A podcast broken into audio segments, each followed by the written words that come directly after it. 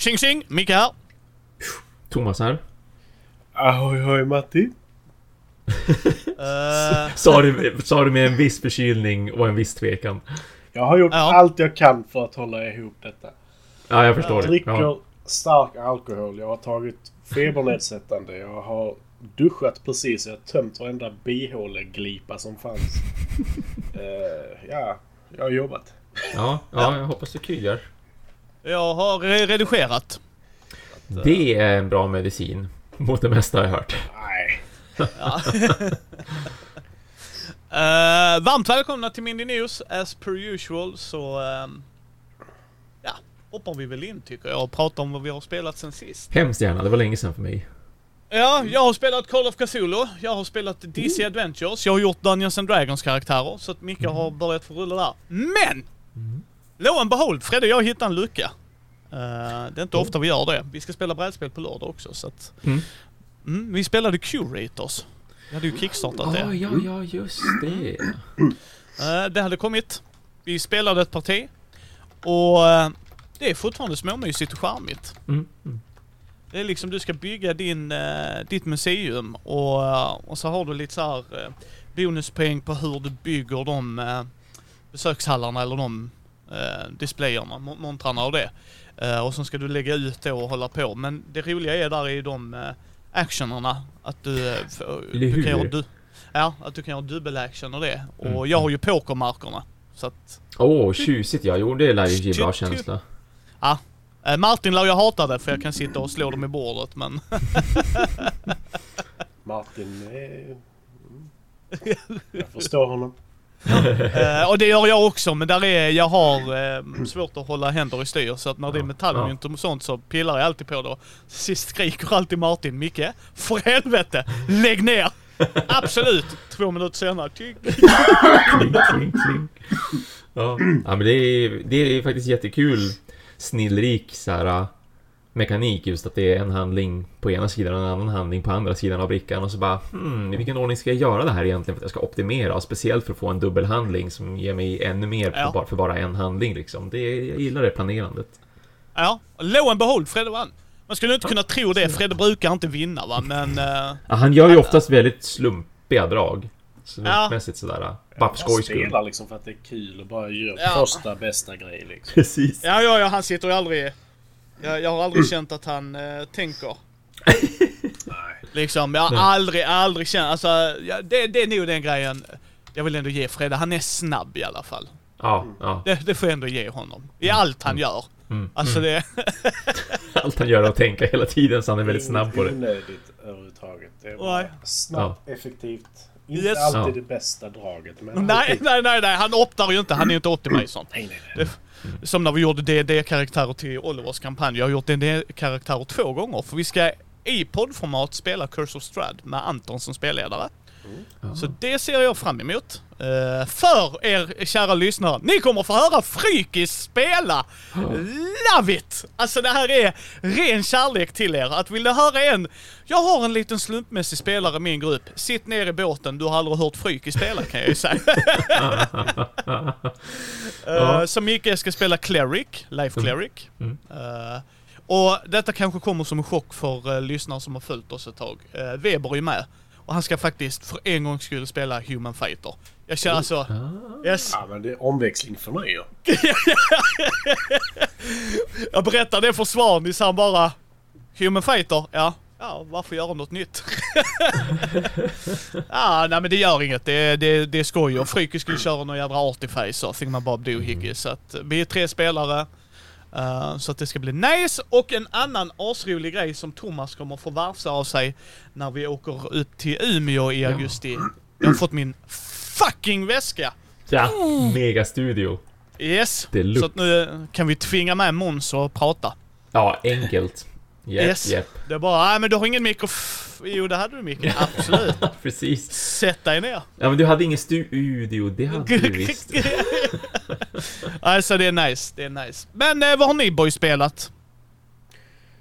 Vem Jag har tre spel. Jag kan ha två. Kan ha fem. Kan ha. Wow. Kör två då. Ja, för de är helt nya. Ja, Ja. nice. Ja, ja, men precis. Jag har spelat någonting gammalt också. Eh, jag har ju spelat... Nej, Thomas, Thomas återvänder ju aldrig till grejer. Nej, nej, nej. Speciellt inte Stars of Acarius, det här, eh, det här eh, Kickstarter-spelet som jag är så himla hypad på. Och varje gång de släpper en ny video så typ hoppar jag in i Tabletop Simulator och vill spela igen. så det, det, det är en sak som, som jag faktiskt har återvänt till och spelat lite mer av. De närmar sig ju liksom mer och mer att få allting på plats. Och jag har för mig att han sa faktiskt nu senast eh, att hela regelboken är färdigskriven. För de skrev ju om ganska mycket efter att ha liksom verkligen fått ett proffs att titta på den. och så håller scenarioboken på att komma, komma liksom ihop också. Så att, Backade du ja, jo visst det gjorde jag. Oja, oja. Ja. Det, det var jag väldigt snabb på att göra. Jag tyckte det såg jättelovande ut. Och det, det är så kul också att titta på just videosarna och läsa regelboken och sådana här saker. Därför att det har hänt jättemycket sen kickstarten. Alltså rent kvalitetsmässigt men också, men också kvantitetsmässigt så är det mycket som har, som har tillkommit. Men framförallt så liksom kampanjen och reglerna och lite grann spelmekanik och sånt där. Det är mycket som, han är väldigt passionerad han som, han som gör spelet, eh, Brandon. Och Mm. vill ju liksom att det ska bli den absolut bästa produkten som, som bara går. Så att han, han lägger ner eh, be- beundransvärt mycket tid på att putsa till saker. Ja. Men, ja. Ja, nej. Det ska bli spännande. det ska det verkligen bli. Jag tror det är oktober som, som de hoppas på att det ska komma ut nu. Ehm, men om jag ska börja med någonting, någonting då som jag har spelat så tänkte jag direkt hoppa in på ett spel som är Print and Play. Eh, som är med i en sån här Board Game Geek-tävling. Ja. Eh, och det spelet heter Woods och är gjort av Jurgis Rodin som nyligen har flyttat till Skellefteå by the way. Så att på sin resa upp här från södra Sverige, nu kommer jag inte ihåg varifrån han är, men då körde han faktiskt förbi mig och hade med sig ett, ett liksom tryckt exemplar av det här Woods. Ehm, och var nyfiken på om jag ville testa det och kanske göra någonting om det och, och, och liksom nämna någonting om det i här i podden. Och jag menar, och då visste innan att jag tycker ju om Print and Play och gör ju det ganska Ja. ofta och vi har ju haft specialare och allt möjligt och jag har ju haft specialare. Ja, box. Eh, Ja, så- box. Så att till hans stora glädje nu så sitter jag ju här och har spelat Woods och, eh, och tänkte nämna lite grann om det. Ja, Eh, Det är ett eh, roll and write med eh, resurshantering och tärningsplacering.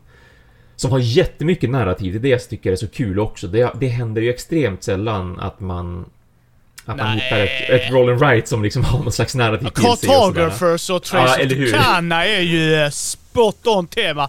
Och jag menar That's Pretty Clever är ju... Ja, alltså, verkligen. I synnerhet.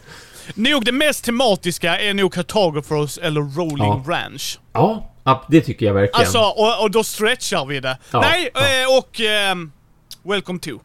Ja, ja, well, well, Alltså för, för, du, för du sitter mm. ju ändå och strukturerar upp en suburb, så Ja. det kan jag väl ge dem. Men, Ja. men narrativt, nej. Nej, nej, jag tror att det enda jag har spelat där, och nu kommer jag inte ihåg exakt. Det var ju något sånt här spel som jag spelade som hette typ Bathysphere någonting, någonting som hade ett jättekonstigt, roligt, super, alldeles för långt namn. Bathysphere. Eller- B- BB Bobs Ja men exakt, Bathysphere. Bippity Bathysphere, någonting sånt där. Det var ju jättekonstigt och roligt att säga i alla fall. Ehm, det hade ju liksom en ongoing så här, man skulle spela typ 10 stycken partier eller någonting i rad och så var det ju lite legacy-aktigt och man klippte och klistrade och hade sig och det var ju, det, det var ju första gången tror jag jag spelade någonting sådant och det var ju jättekul. Och, och även då här i Woods så har Jurgis gjort en storygrej av det att man spelar en kille som heter David som, eh, som är i Colorados skogar och försöker överleva. Och det är någon slags här katastrofgrej som har hänt i världen. Eh, som gör att han är just nu frånskild från sin dotter och sin fru. Eh, Och, och försöker bara överleva tills att han kan liksom få förenas med dem igen. Och då ska man spela under ett år av hans tid i den här skogen. Det är indelat på liksom fyra säsonger. Och varje säsong har sitt eget lilla upplägg på vad man kan göra, vad det händer för skit och vad det händer för positiva grejer också av att det är just höst istället för vinter eller att det är just sommar istället för vår och sådär. Och då är det tre stycken parametrar som man måste hålla på och liksom och jonglera med och försöka hålla, hålla sig själv vid liv genom. Och det är att man, man måste hålla sig mätt, man måste hålla sig varm och man måste hålla sig inte galen helt enkelt. För att det är klart, när man, speciellt när man är ensam och liksom eh, och det händer skit ute i världen helt enkelt, eh, utan att säga allt för mycket.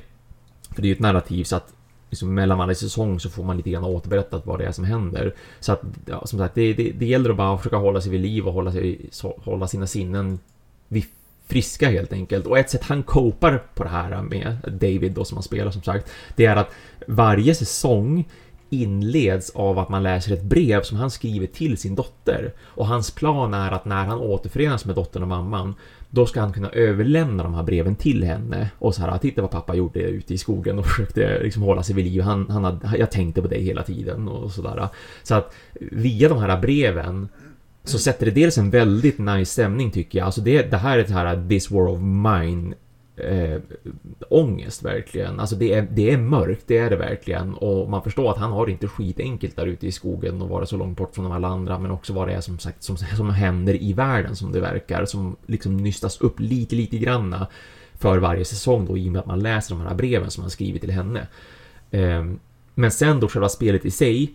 Det är då att varje säsong har man fem spelrundor man ska försöka att överleva.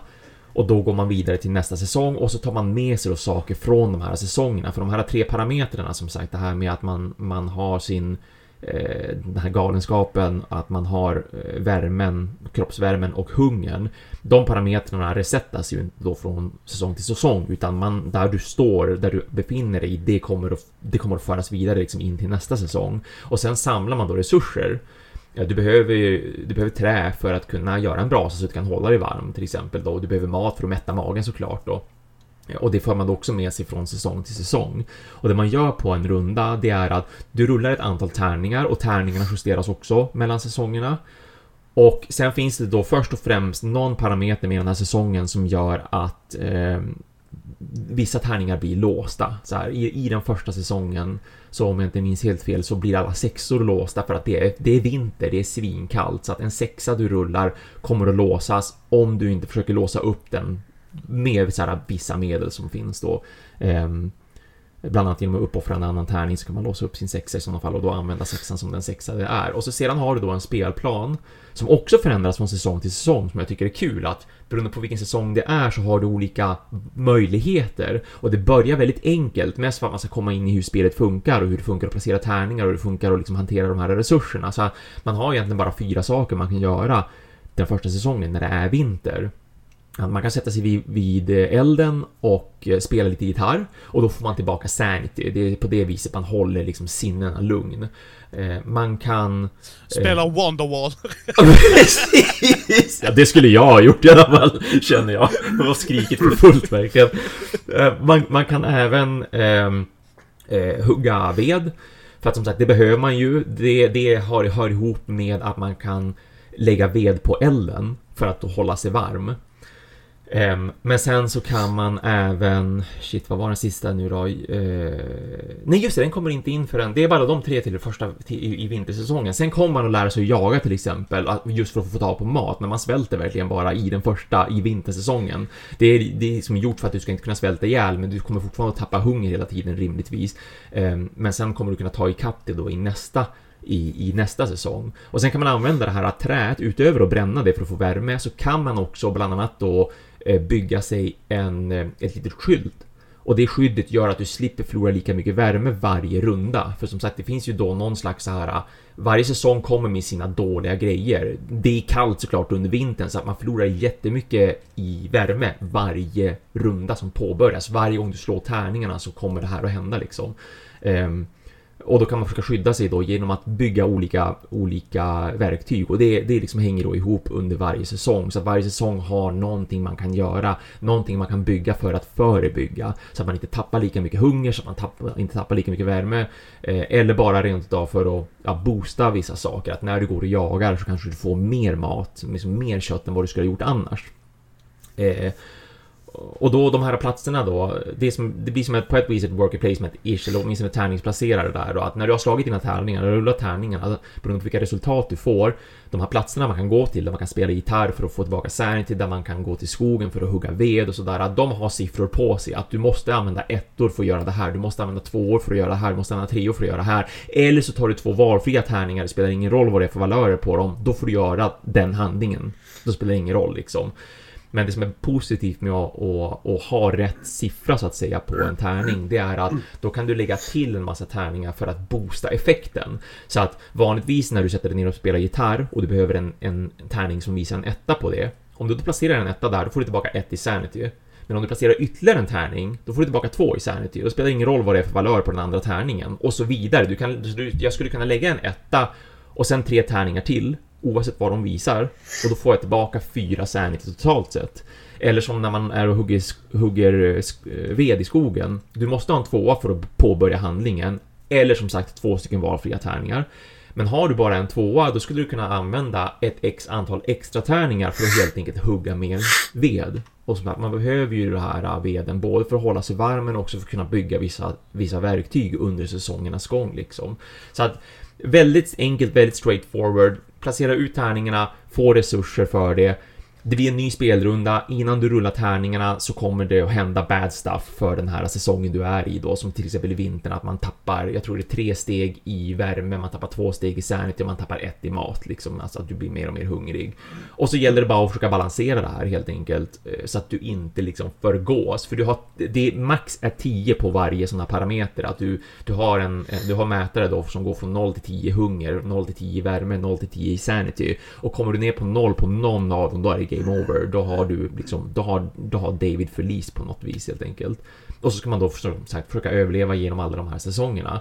Eh, jätteenkelt men väldigt väldigt trevligt och framförallt just det här narrativet, det är det som gör allting. Alltså det här hade kunnat vara ganska det här hade kunnat bli ganska tråkigt om det bara hade varit det här är vad du gör, lite resurshantering.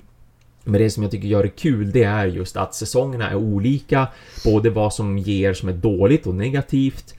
Eh, men också vad som är positivt, att så här, ja men nu kommer vi in i, sångar, i, i sommaren, då kan man börja jaga hjortar. Du kunde bara jaga kaniner tidigare och hjortarna ger det här kontra att kaniner ger det här liksom. Och även då att eh, det justeras lite grann hur låser sig tärningar? För tärningar kan alltid bli låsta i varje säsong, men det är olika vad som låser dem och det finns, en, det finns någonting rimligt till varför de blir låsta. Det är inte bara nu låser sig alla sexor.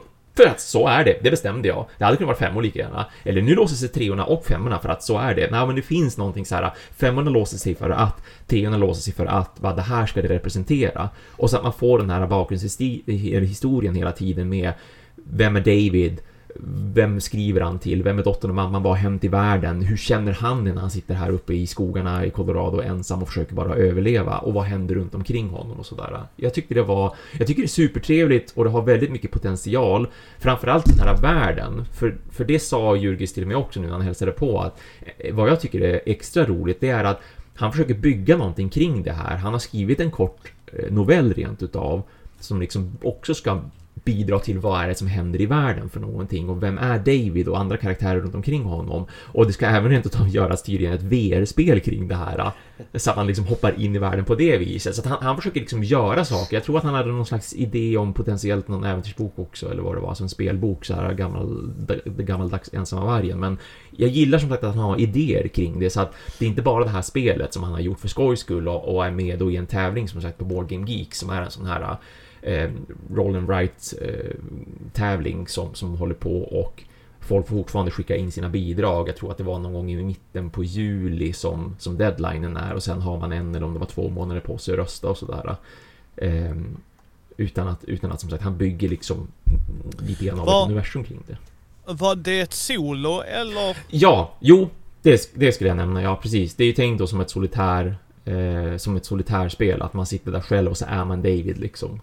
Ja, det kommer inte hända att jag... Nej, jag förstår ju det. Jag förstår ju det av den anledningen. Eh, är det... Dog stenhårt där.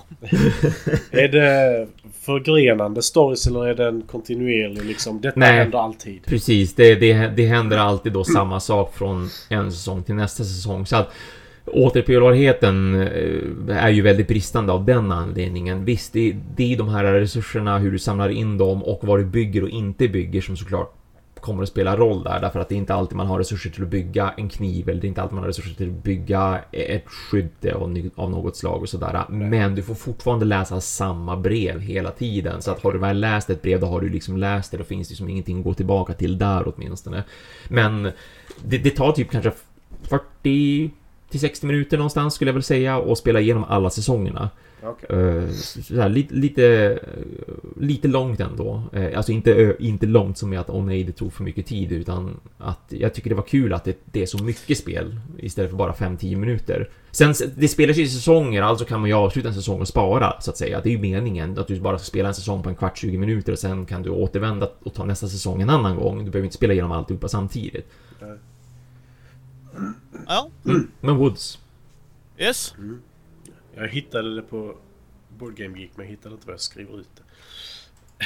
Ah, just det. Ja, jag tror att... Eh, jag tror att man var tvungen att gå via... Jo, men där. Man måste scrolla ner en bit från den här huvudtråden som finns. Det finns ju en tråd som har alla entries, liksom alla bidragen till tävlingen. Men sen finns det en egen tråd som är då liksom hans, att det här är mitt bidrag, så här ser det ut och så kan man ge feedback där. Om man då scrollar ner lite grann förbi den här omslagsbilden och det här YouTube-klicket, intressant nog, som finns. Då, då får man så här printed game files found here och så finns det en liten länk. För jag är inne på... Länk Ja, kan Thomas Ja. skicka till mig sen. Det kan Ja. jag fixa, ja. Precis. ja, för jag, jag är inne på själva sidan för Woods. Men Ha, se där. där, Ja, men där det... jag Ja. där. Du kommer att få den i chatten senare i alla fall. Ja. Oj, oj. Helt klart. Hur många sidor blir det att skriva ut ungefär? Oj, ja vad var det? Kanske 8-10 någonstans. Det är... Ja, någonstans där skulle jag säga. Det är ju väldigt enkla regler så det kanske bara är typ två sidor regler. Men sen är det då varje säsong har en sida som är spelplanen och en sida som är det här är förutsättningarna för den här säsongen. Och sen är varje brev två sidor också. Så att ja, det blir nog lite drygt 10 skulle jag säga. 10-12. Matti, vad har du spelat? Jag har spelat Innovation. Ah, Vilket jag inte Innovation. hade gjort innan. mm, mm. Eh, gammal klassiker inom citat. Ja, faktiskt. Liten låda va? Väldigt liten Ja, låda. Väldigt liten ask. Ja, jag köpte faktiskt expansionen Echoes of the Past samtidigt för typ 300 spänn. Så Oh. tyckte jag ändå Ja. kunde vara värt det faktiskt. Och var det värt det? Eh, jag tycker det. Karin tyckte nog inte det under tiden hon spelade förrän det blev väldigt nära att hon vann, men jag vann. Oh, sån där. Ja, man märker det när man, man kommer hem till Matti och har en blåtira vet jag att Karin förlorar. Så. Precis. det är påsar nu. Nej. Ja. Eh, nej, men det, det är ju ett spel där man... Eh, det är ett tablåbyggarspel ganska rakt av. Mm, Eh, mm. Där man... Är det typ så här uppgradering tablåbyggare så kan man bara bli skickig? Nej, inte riktigt. Fast ändå. det, nej, men det, det är lite svårt att förklara för. Eh, varje kort är unikt och det finns 10 eror. På varje kort finns det fyra symboler. Eh, tre längst ner och så en uppe i vänster hörn. Och sen så står det ofta någonting som kallas för dogma. En text. Eh, som är typ Jag kräver att du gör detta. Om jag har fler symboler än den personen så måste de göra det. Eller alla andra spelare. Sen finns det en annan dogma som är eh, Gör så här. Alla som har lika mycket symboler som mig av den sorten får göra den före mig också. I så fall. Eh, så det är ett fruktansvärt interaktivt spel. Mm. Eh, som är riktigt, riktigt, riktigt kul tyckte jag. För det går ut på att du ska ha sex stycken achievements, kallar de det. Som du köper med hjälp av poäng. Nu körde jag på två så det är sex achievements då, annars är det ju mindre achievements när man är fler spelare. Men sånt så. Mm. Och då finns det de här olika symbolerna under de här tidserorna. Så det går från 1 till 10 där du börjar på stenåldern till informationsåldern som de kallar det. Som är nutid. Eh, och de här olika symbolerna Det är ju de som styr vilka dogma-saker du kan göra eller värda att göra. Men i och med att varje kort är unikt så är detta ett spel som jag skulle säga, det är... Jag tyckte det var väldigt kul direkt. Men jag kan också säga att det kommer vara ännu roligare femte gången du spelar med samma person. Mm. För att folk börjar lära sig spelet. Det kortet vill inte jag att du ska använda. Alltså använder jag denna dogman som gör att jag kanske lägger ett kort på ditt kort så att du inte får använda det istället. Eller Som jag hade ju en skill som så här, ta bort det högsta poängkortet som Karin hade. Jag tog bort fem poängkort för Karin och det var inte fem poäng. Oh. Utan det var fem kort med poäng på. Och det var tre eller fyra poäng på varje för jag gjorde det två gånger. Eh, och då har ju hon... Who's an asshole? He's an asshole. Det, det är jag. Säger han med leende på läpparna. It's me y'all. Ja, det, det värsta är att första gången jag gjorde det så var det precis efter det att hon hade haft en sån här...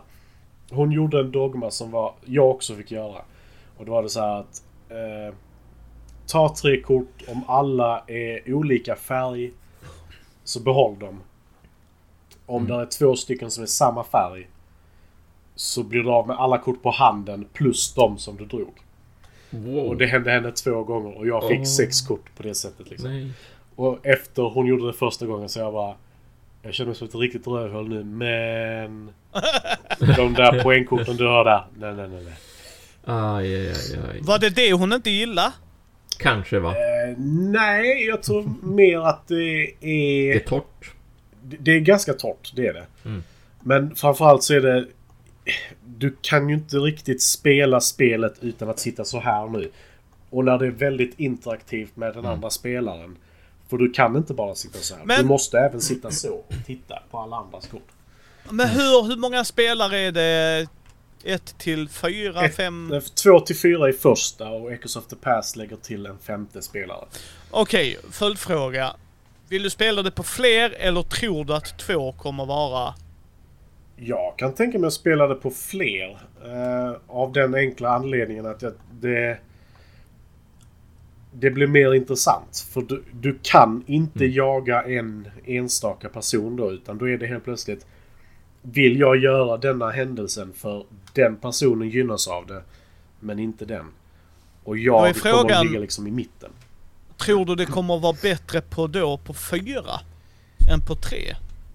Jag tror det kommer vara svårare att hålla ordning på folk på fyra. Men jag tror Ja. också att om jag vill spela fyra på det så vill jag slänga in expansionen direkt. För Mm. att få fram fler kort. Okej. För rent tekniskt så... Jag tittade bara på korten och jag tror jag listade ut vad... Alltså alla reglerna bara genom att titta på kortet. Ja. För det, det, det verkar vara ett så pass enkelt kort. Eller spel liksom. För det, spelet i sig är väldigt enkelt. Terminologin är sämre. Så kan jag formulera det. Har du spelat det Thomas? Ja, visst har jag. Den här Gam-Gam-utgåvan har jag spelat och jag tror rent utav att jag... Jag kan ha gjort en recension på det. Jag är inte helt hundra nu, men jag tror att jag gjorde en recension just på grundspelet. När det såg... Då såg det torrt ut på riktigt. Alltså köper man den nu, den versionen som Yellow producerar, då, då ser det ändå lite trevligare ut. Men eh, jag, tyckte det, jag minns att jag tyckte att det var bra och det gjorde även spelgruppen. Eh, Det är, in, det är intressant. Det finns ju några andra spel som är typ som är lite åt det hållet och jag tror att den mest populära eh, eller kända är Glory to Rome har jag för mig att den heter väl. Expansion eller spelet? Nej, spelet menar jag. Eh, Ja, ja, det är det som är precis. out of print som eventuellt Ja. kommer komma tillbaks till print. Ja, jag såg någonting om det jag också. Det, det, Så med lärar-Lars, från Lär dig spela-Lars. Ja, ja, hans precis. favorit. Precis. Och det förstår jag, det är mångas favorit vet jag. Yes, Och- och det är det- en jag sån eh, Holy. Grail. Det Ja, var ju det företaget som kursade sig själva genom att erbjuda gratis frakt till hela världen när de gjorde. Kickstartern. Nej, var Man bara, det de? ja, ja, ja, ja, jag vet Man bara, Åh. oj, oj, oj, oj, oj, oj, oj, oj. ja. Nej men alltså, jag, jag säger detta som bara en friendly reminder.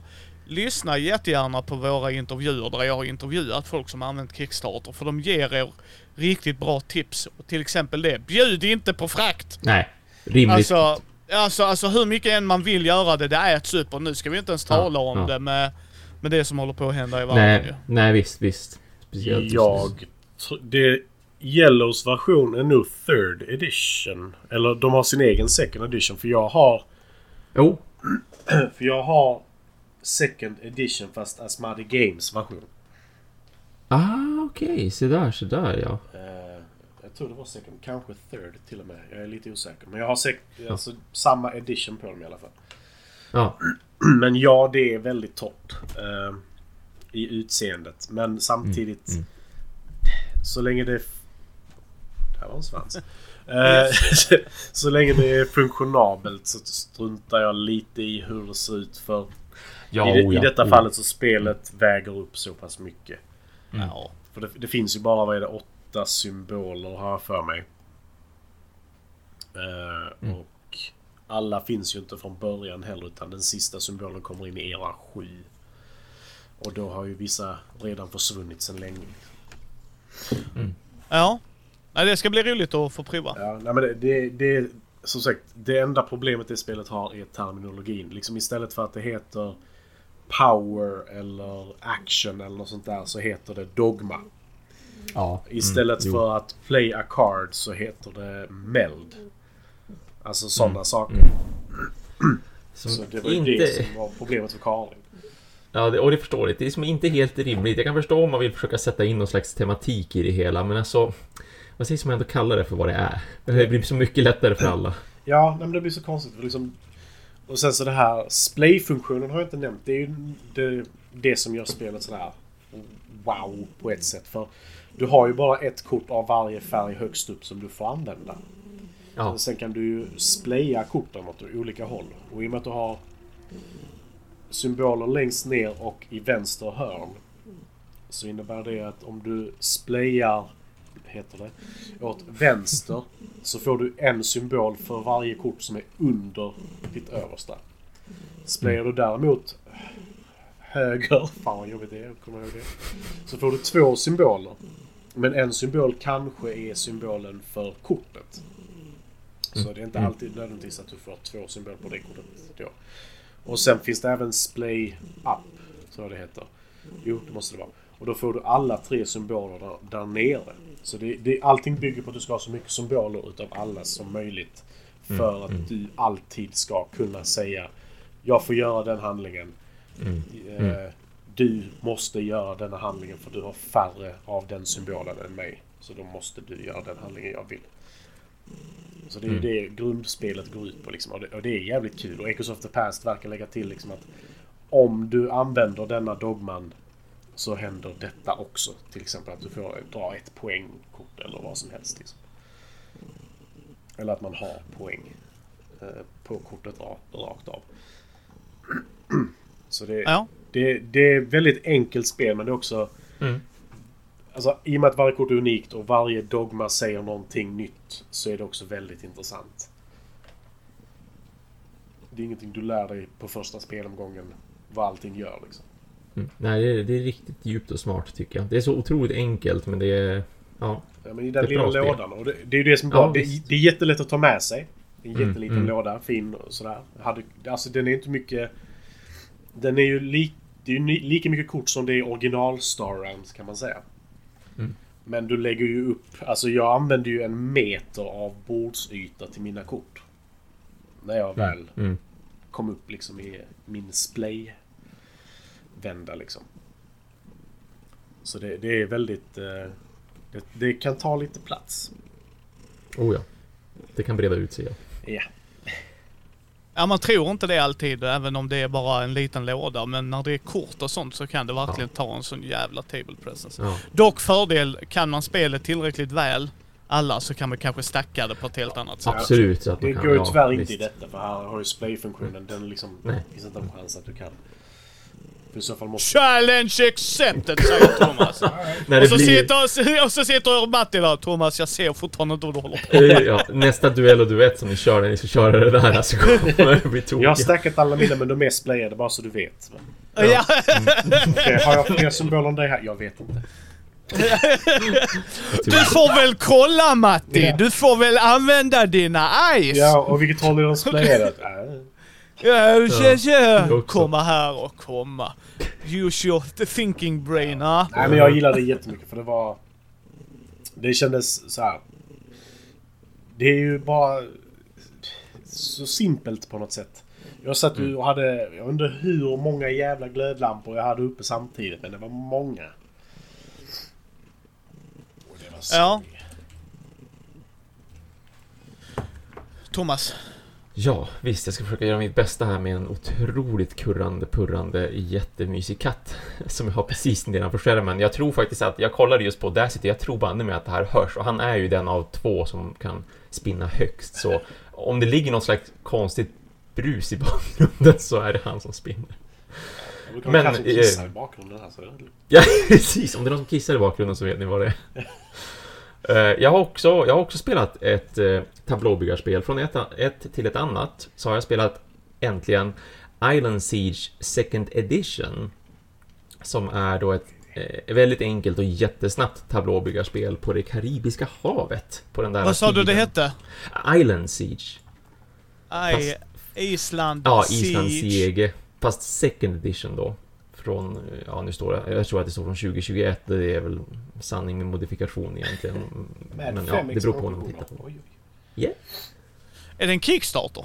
Ja, de kickstartade second Där har du dina fem expansioner kan jag säga. Ja, nej, nej, nej, men liksom det, det gör inget. Men du vet såhär, 2021 kom spelet och fem expansioner. Undrar om det är Ja. ett Kickstarter-spel? Ja, ja, exakt. Jo, för det, det var i januari som jag fick det levererat. Min Kickstarter-utgåva. Så det är, därför de, det är därför det står 2021 förstås då. Men egentligen så, jag tror de kickstartade det i typ april eller maj 2020. Och sen är ju originalet då från 2013 har jag för mig att det var. Så det är ju en gammal eh, första utgåva ändå.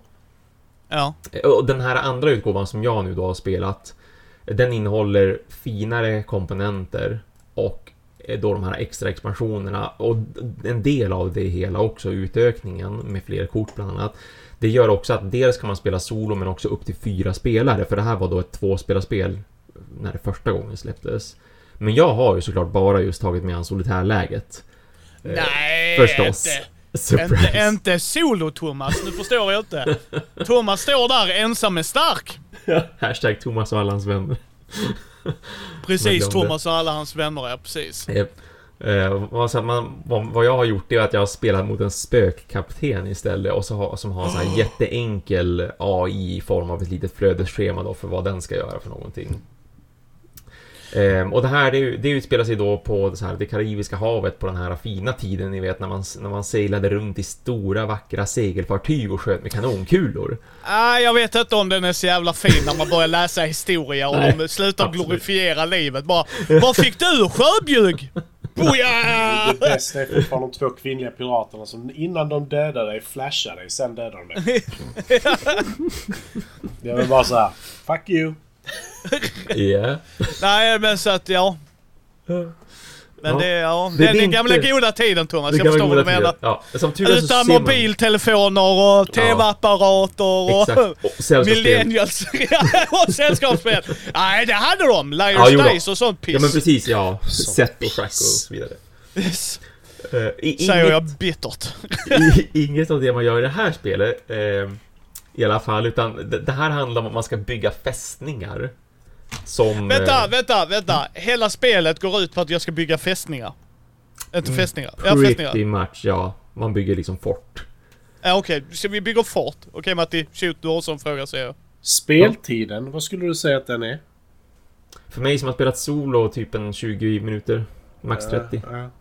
12 till 48 minuter står det på BGG. Ja, 12 jag älskar, 48. ja, ja, jag älskar såhär specifikt. 20 minuter kan jag ändå köpa. Att ofta stämmer de ju inte. Men, men 20, alltså såhär, ja vi sätter 20. Så här 12 och 48, det är Ja. såhär udda nummer. Intressant. Jo men just det, de har väl de har gjort en sån här... På, på solo borde du kunna dra igenom det på 12 minuter, multiplicera det med 4 för att man kan vara upp till 4 spelare, då har du 48. Nej Karl! Bullshit! Ja, nej. Så jävla Det- mycket bullshit på sådana grejer när de bara hittar på. Ja men du kan göra det på 12 minuter, har du spelat med Fredde eller Thomas? Ja, exakt. Ja. Eller Matti eller mig. Alltså det är bullshit snacka om. Ja, ja även, Jag även om, även, även om vi mig. hade kunnat spela. Ja, du, du, du tar tid på dig emellanåt också när du sitter där och ojar dig på ditt hörn. Oj, oj, oj, oj, oj, hur ska jag göra nu? Oj, oj, oj, oj. Jag blev lite fundersam, jag tror inte ens det står det på, på förpackningen. Jag har för mig att den säger typ, ja men så här 20 till 45, alltså rimliga, vanliga, hederliga siffror som inte är Ja. konstiga. Eh, Så att det ja, det är lustigt var det där kan komma ifrån egentligen, jag som har skrivit in det. Ska, jag ska gå in och rätta det lovar jag ifall det är när jag kollar på förpackningen, för sånt tycker jag Nej, att nej, nej, nej, nej, så är det inte. Nej, Precis. nej. Det är... Jag har faktiskt utgåvan och det står faktiskt på förpackningen. Ja. Ja. Jag tycker de ska skicka alla spel till Fredde och så bara den tiden han tar på sig. Ja, det är det man jo. sätter som minimum. Eh, Vad är det? 15 minutes zombies. Ja, det tar 68 minuter. Va- Nej, vänta nu här. Det slutar när musiken slutar. Nej, det gör det inte. Det slutar när jag är klar. Yes! Eller vad heter det? Uh, Temple. Ja, Ja, eh, det här är Escape Escape Temple. from the Cursed Temple. Ja, så bara "Ah, det är slut nu Fredde. Nej! Jag rullar fortfarande tärningar, så håller vi fortfarande på. Yes. Ja, Ja, Okej, men- vi bygger fort i, Ja. med, i Caribbean Vi, då ja. Precis, vi, vi, man, man bygger fort för att försvara ens kolonisatörer och byggnader. Och man samlar även poäng, för det är, det är alltså två vägar som leder till seger. Att du kan antingen lyckas få ut dina nio spelpjäser, och, och pjäserna som ser ut som små meeples, de är alltså kolonisatörer. Eller så uppnår man 20 poäng genom att man då bygger, man koloniserar och bygger. Eh, och det är ju då, det är ett kortspel förstås då. Där man spelar ut då spelkort som visar både fästingar, eh, fästningar, inte fästningar, fästningar och olika byggnader och segelfartyg och så skapar man då en tablå framför sig av olika kort. Eh, man, man turas om med att man genomgår tre stycken faser, så först och främst, först och främst så kontrollerar man då, har jag uppnått en seger? Vid det här tillfället. Alltså antingen har man placerat ut alla sina nio kolonisatörer eller så har man fått 20 poäng. Annars går man vidare till att placera ut en kolonisatör per fästning som man har framför sig i mån av plats. Och sen, sen får man utföra en av tre stycken olika handlingar. Antingen kan man dra tre stycken nya spelkort i sin hand. Då får man behålla två kort. Det tredje ger man bort till spelaren till vänster. Så det är alltid, alltid ett kul dilemma det här. Vad vill jag verkligen behålla? Men framförallt, vad vill jag absolut inte ge bort till min motspelare så att han eller hon kan spela ut det? Eh, och sen då istället för att dra tre spelkort så kan man såklart spela spelkort från sin hand istället. Och då fästningarna, de har inga krav på sig. De spelar man bara ut pang poff. Byggnader och segelfartyg däremot, de kostar kolonisatörer. De som man då har fått placera på sina fästningar. Så att de flyttas från en fästning till det här kortet som du nu bygger eller till det här fartyget och som du spelar ut. Och fästningarna de vill man såklart spela ut för att det tillåter ju att du får ut fler kolonisatörer per spelrunda. För att ett fästningskort kan bara ta emot en kolonisatör per spelrunda. Så det går väldigt långsamt till en början. Men ju fler fästningskort du lyckas få ut, desto fler kolonisatörer får du också ut. Byggnaderna, de vill man spela ut för att de kommer med poäng och har även någon slags trevlig förmånlig effekt till sig.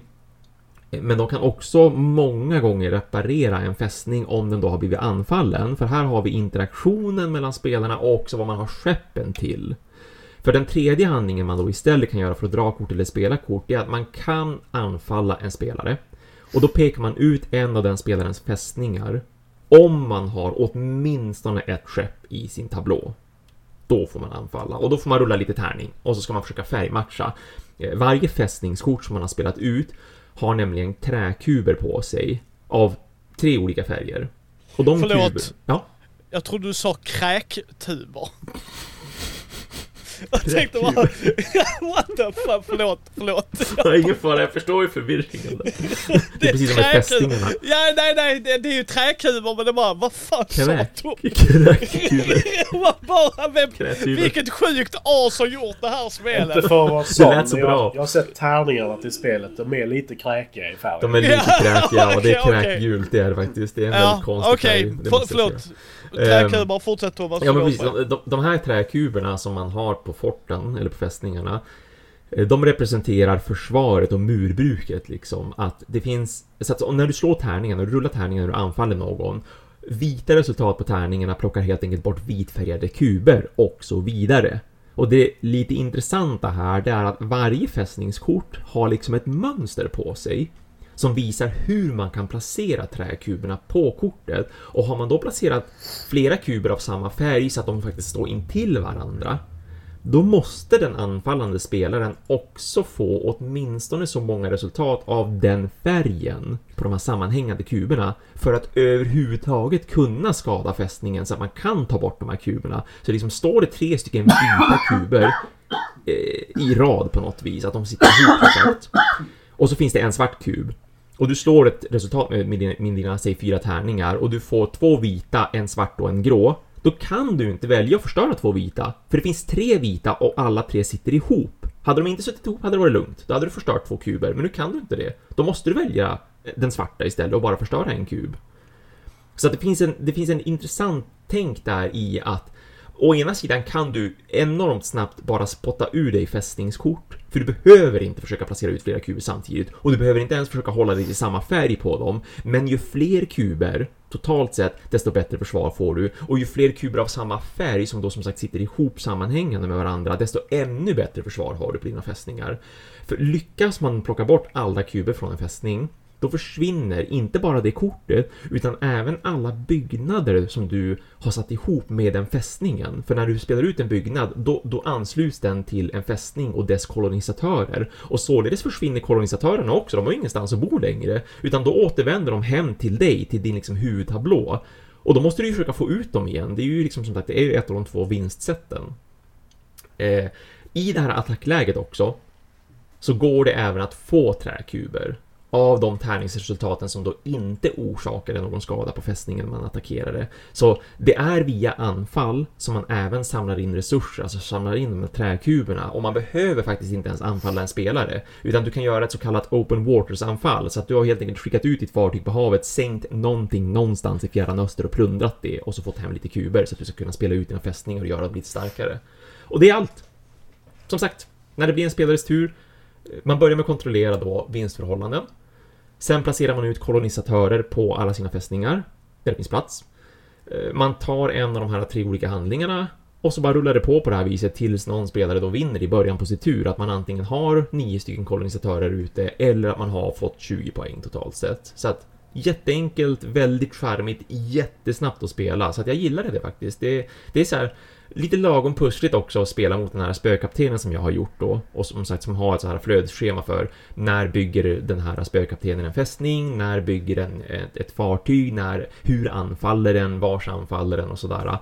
Um, men, men jag tycker att, den, att spela mot den har visat att det finns ett par väldigt brutna kort tycker jag i kortleken som är bara, de är för mycket om man bara är just två spelare som spelar. Oavsett om det skulle vara jag mot en annan spelare eller nu då när jag spelar med spökkaptenen. Så att jag tycker man ska kanske gå igenom lite granna vilket kort känns balanserat och inte om vi är just liksom två, tre eller fyra spelare. Men annars så, ja absolut, jag rekommenderar det. Jag tyckte att det var både ett kul solospel och jag, jag är övertygad om att det är jättekul att spela antingen på bara två eller att man då är tre eller fyra. Vad kostar det? Ungefär? Ja, det är ju en bra fråga för jag har inte sett det i butik. Eh, den här second edition har jag ju, den har ju kickstartat så att jag kanske snabbt borde kolla upp om det ens går att få tag på för nu vart jag lite osäker. För, för vi, vi i på mitt jobb så har vi bara haft Island Siege First Edition. Men, men det tror jag kan vara för att Måns helt enkelt har missat att man kan köpa in det. Men jag är lite osäker. Nu ska vi se här, eh, om vi tar till exempel här då. Ja, visst, det går, det går att få tag på och det kostar 300 spänn. Så jag ska säga till Måns faktiskt att det här borde vi ta in i butik i och med att jag ändå har spelat det och tyckte att det var nice.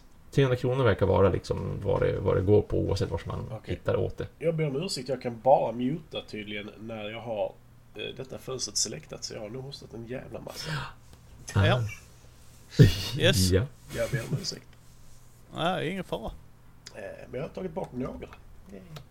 Ja, ja. Ni kunde sagt till.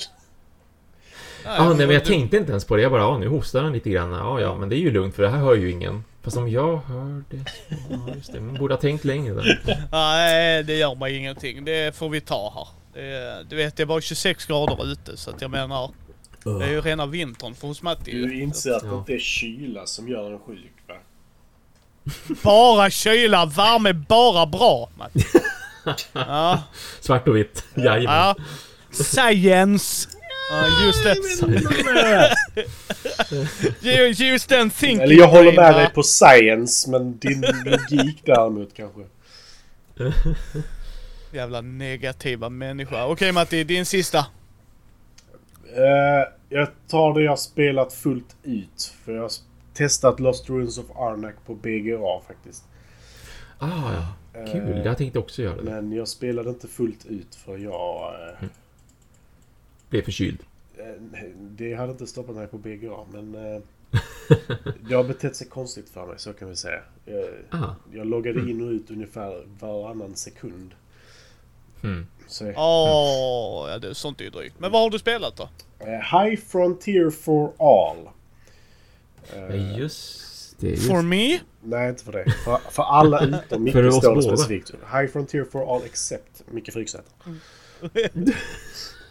Specifikt också är i ett engelskt Mm. Japp, japp, japp. Det är väldigt viktigt. Eh, Mm. Är det, är det Fredde som har gjort spelet? För det är enda gången jag hade kunnat köra. Ja, eller hur? Det hade varit rimligt. Nästan höll jag på att säga, men det är det faktiskt inte. Det är Phil Eklund. Ah, pretty close. Ja. Där är ett F och ett E. Ja, och framförallt deras tankegångar är nog likadana tror jag. Ja, eller hur? Vad jag Ja. tänkte också. Med tanke på vad det är för spel. Vad sa du? Med, med tanke på vad det är för spel så tänker jag att det att ja, absolut. Jag tror att det ligger på så här äh, 4,3 eller någonting i tyngd på Board Game Geek. Ja, 4,4. 4,7. 4,7 jäklar! Ja. Eh, och jag kan nog säga att det kan... You had me at hello Matti. Du, det, det, det förtjänar det känner jag lite när jag spelar det.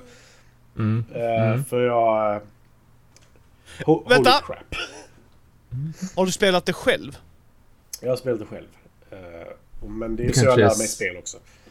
Ja, Ja, ja, nej, nej, men jag tänkte bara utifall att eh, Ja. om, Karin hade spelat det och vad hon hade tyckt. Hon Men okej. sa igår, för jag har varit hemma sjuk hela veckan. Eh, Mm. Hon sa igår så var jag, men eh, det ser jobbigt ut. Ja. Så jag bara, ja, men jag, jag kan gå igenom reglerna en gång till så har vi det fast liksom, om du vill spela det. Och sen när jag själv satt där med det så bara, nej. Nej. Nej, jag förstår dig. Eh, Och det är därför man har Fredde. För oavsett hur lång tid har han på sig så är han otroligt pedagogisk. Ja, nej, men he helt ärligt. För det jag känner med detta spelet är att jag vill inte spela detta själv. Eh, Mm. Av den anledningen jag behöver någon Matti. som håller koll på att det jag gör är rätt. Ah. Det, är, det är också med Matti, det säger faktiskt High Frontier for all. Ja, Ja, Inte for you. men det finns faktiskt Inte- soluppdrag. Eh, Ja, Ja, jag bara, jag bara, jag bara driver med det, det är så roligt. Det, ja. det, hade- det hade varit så jävla bra om bara, vi gör världens bästa solospel. It's for all. Alla får spela eh, det bara var för sig. Yes! ja. Är det ett GMT-spel va? Nej, det är det inte. Nej. Är, Nej. Vad heter de? Överraskande. Ion, tror jag de heter. Någonting. Ja, precis. Ion någonting. Han, ähm, någon svär svenskt Ion företag som Game ju även har gjort... Sierra, Sierra Madre Ja. är också... Är det ett svenskt spel? Nej. Nej, för, företaget har jag för mig, alltså Ion Game Design, de har ju gjort både en och två, eller om det är tre rent av svenska. De ligger faktiskt i Vasastan. Eller inte i Vasastan, i Stockholm i det här fallet. Eh, Mm. Vid Enskede. Mellan Enskede och Ja. Sickla. Jag och Har även fler eh, spel med rymdtema bakom sig. Ja, nej men alltså det, eh, det, det är helt fantastiskt. Alltså helt ärligt. Det är helt fantastiskt. Men jag vill inte spela det själv. För jag måste ha någon som håller koll på mig. Eh, Jag tror framförallt att det blir mycket, mycket roligare. Mm. Men i... Okej, 4,78 steg upp till nu. Och jag har inte rört Ja, jösses har det. Eh, men det är ett spel där man... Alltså det roliga är att det finns så många olika scenarion i det. Eh, Men ett av de första scenarion är liksom att lär dig flyga och hitta metaller ute i eh, solsystemet. Just det, Space precis. Diamonds heter det första. Det är, det är så här, han har rangordnat det så här. Om du inte har spelat brädspel innan, spela Space Diamonds. Har du spelat brädspel innan, spela detta. Har du inte, eller har du spelat mycket brädspel innan, spela detta. Har du spelat High Frontier for all, eller High Frontier Mm. innan, spela här. Eh, och... Jo. Wow. Det, det, det ska sägas eh, jättekort och snabbt så här bara att, att det finns ju fler utgåvor av det här uh, High är Frontier. full. Och det har alltid... Ja men exakt, och det, så att det är ju lite roligt varför det heter så här for all. Att det ska vara lite mer inkluderande för att det har inte varit svinenkelt att lära sig tidigare. Alltså det är ju inte enkelt att lära sig nu heller men det har ju ändå förbättrats i och med att de har det här uh, börja här, lär dig bara typ förflyttning. Ja. Och jag för mig att det är svenska Jon har Men skrivit detta är, det. alltså att Ah, det, det är svenskar som är involverade i det. Det är det, men det är ofta Ja, designen. Alltså... Mm. Josefin Ja. Strand och Anna H Lindberg är artister. Så, eller Ja så, precis. så gissar Ja. på svenska. Alltså, alltså jag älskar detta. Vi bara, vi har gjort ett sånt assvårt spel. Okej, Mm. men nu, nu har vi omarbetat det. Och för att tydliggöra detta Så är det förråd i titeln. Nu kör Ja. Ja, Det roliga är att när man läser... Jag var inne och läste kommentarer om det på BGG innan och det är sådär... Jag har spelat High Frontier eh, 3 innan jättemycket. Detta är mycket mer komplicerat skrev han. Alltså när, när du är nere på, på den svåraste, alltså när du använder allt Ah, i spelet. okej. Då är Ja, det just det, tydligen just det. värre än third edition. Sa han i alla fall. Jag vet Oh. inte om det stämmer ju för alla men för honom var det svårare i alla fall. Alltså, alltså jag vill spela detta med Fredde. Jag vill det. Jag vill se han våndas över hur fan ska jag förklara detta för korkade Micke? Hur ska jag få den jävla dumpellen att fatta? Ja, alltså- han kommer, Micke kommer ju aldrig graspa detta. Jag kan ju hellre förklara djup filosofi för Micke på samma nivå. Jag, jag ska skicka en bild i chatten till er så ni får se på brädet. Ja, brädet är fantastiskt. Alltså brädet är så här, Det händer inte så mycket här vid jorden och sånt där. Det är när du kommer lite längre ut. Det är det så här Ja, 672 punkter Precis, på en kvadratcentimeter. Skicka det där till Fredde. Och så bara, hej Fredde vill du lära dig det här? Alltså jag kan lära dig det. Ja, ja, nej men det kommer han nog vilja göra. Det är inga problem Thomas. Men alltså, det, Eh, det, detta, det, helt ärligt, det, det är ett helt fantastiskt spel. Men jag vill inte spela det själv. Ja men där är en unge på bilden så det kan ju inte vara så jävla svårt ju. Så. Det, om det barnet spelar detta spelet. Så antingen har de världens mest pedagogiska pappa. Eller mamma. Ja. Eller så är det ett jävla geni. Exakt. Exakt. Why not both? Ja, faktiskt. Nej men äh, det uppdraget jag körde. Eh, jag körde först tutorial-versionen av det. Där det verkligen står punkt för punkt vad tre olika spelare gör. Och de har gjort det väldigt pedagogiskt men det är inte ens med allting som finns i spelet. Utan detta är liksom så här. Nu kör de med grunderna. Mm. Mm. Eh, och då är det liksom ta dig till Mars och skaffa poäng under två... Eh, inte två år men det är under 24, 28 år tror jag det är. Och varje år är en handling liksom. Så, så på 28 handlingar så ska du Ja. Få så mycket points som möjligt. ja men det, det finns också att det är på 40... Nej 52. alltså det finns väldigt många handlingar helt enkelt. Eh, och det, det är... Alltså det är alltifrån hur... Allting börjar ju med att du ska ha en aktion. Så eh, en spelare liksom... Jag, jag behöver två saker för att ta mig till Mars. Du behöver en raket. Mm. Som kan ta dig dit. Nej! Och du behöver eh, till exempel en... Eh, Besättning? nej, inte alltid faktiskt. Men bes Nej, med inte. besättning följer alltid med en raket å andra sidan. Men problemet med det är att den raketen ofta kräver väldigt mycket energi eller eh, vatten. I detta fallet är bränslet liksom. Eller vätebränsle är det ju.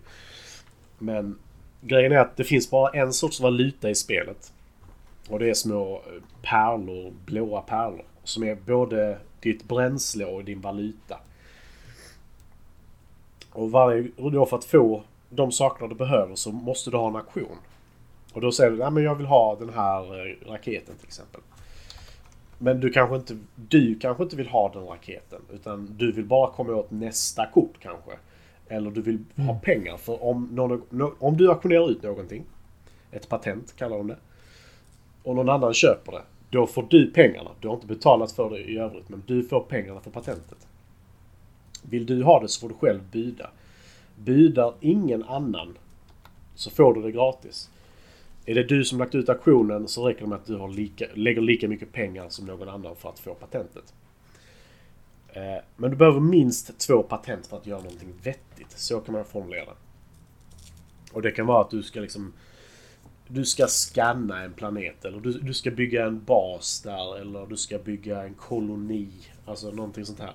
Och då finns det ju jättemånga olika uppdrag och det, det är det som är så jävla fantastiskt med detta för det första är liksom så här, men skaffa poäng på den här tiden. Och då är det så här, men vi fokuserar på Mars, gör alla tre spelarna i tutorialen. Så det är så här, men vi fokuserar på Mars, första eh, bemannade Marslandningen som även kommer tillbaka till exempel. Och får poäng för det och först med en koloni där får poäng, bla bla bla. Sen finns det uppdrag som är, börjar på Venus. Eh, att ni är så kallade Sirens som har inte vätebaserade raketer utan någonting annat. Och ni ska ta er från Venus i så fall. Sen finns det ett annat uppdrag med att du ska i Jupiters fält, har jag för mig det. eh, sätta ut åtta brickor. De här åtta brickorna representerar en koloni som du ska ta tillbaka till jorden för kolonin håller på att degenerera sönder. Så då ska du ta dig till kolonin, hämta folk. Folk innebär massa. Massa innebär att det går ut mer bränsle, för jag har inte ens gått in på hur bränsle fungerar. Eh, mm och då tar de därifrån till en annan av dina kolonier som kanske inte nödvändigtvis är på jorden utan du kan placera ut dem på andra planeter också. Eller bara på en asteroid eller så här. Men hela grejen är liksom att den här valutan du använder är, är ju vatten eller väte. Och varje gång du ska flyga med raket så har du först alltså en torr massa och en våt massa. Den torra massan är vad ditt, din raket väger liksom. Och vad den väger styr hur mycket du kan förflytta dig med bränslet. Och de olika raketerna bestämmer hur mycket bränsle som går åt för en förflyttning. Så allting är olika. Det finns även solsegel och sådana grejer. Men det är så mycket i detta spelet som bara är så underbart. Som är gömt bakom så mycket svåra uträkningar. Eller de är inte svåra Mm. men det... Det finns många olika vägar. Är du villig att chansa kanske du tar den vägen. Vill du inte chansa eller vill vara säker på att du klarar det. Ha då lite, eh, vad heter det, den här valutan över. För om du gör någonting där du behöver chansa kan du även betala fyra utav den valutan för att slippa chansa. För chansa innebär att du rullar en tärning.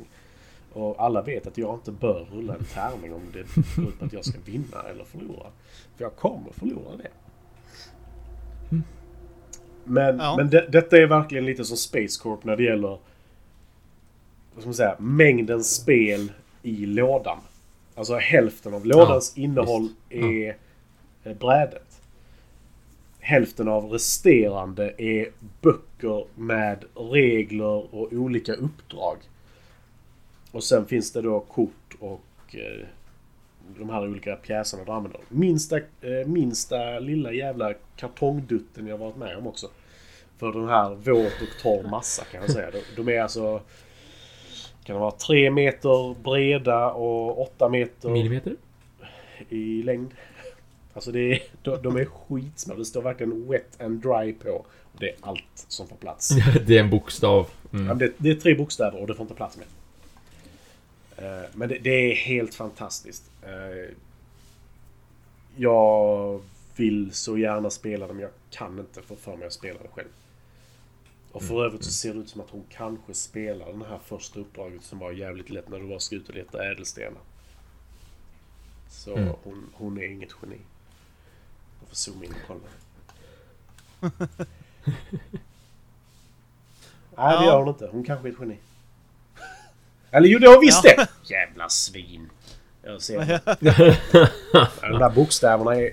Under som varje bokstav som är på det här brädet nu finns det en ädelsten då. Som man kan eh, ta från olika planeter och ta tillbaka till jorden för att tjäna mest poäng i den första upplagan.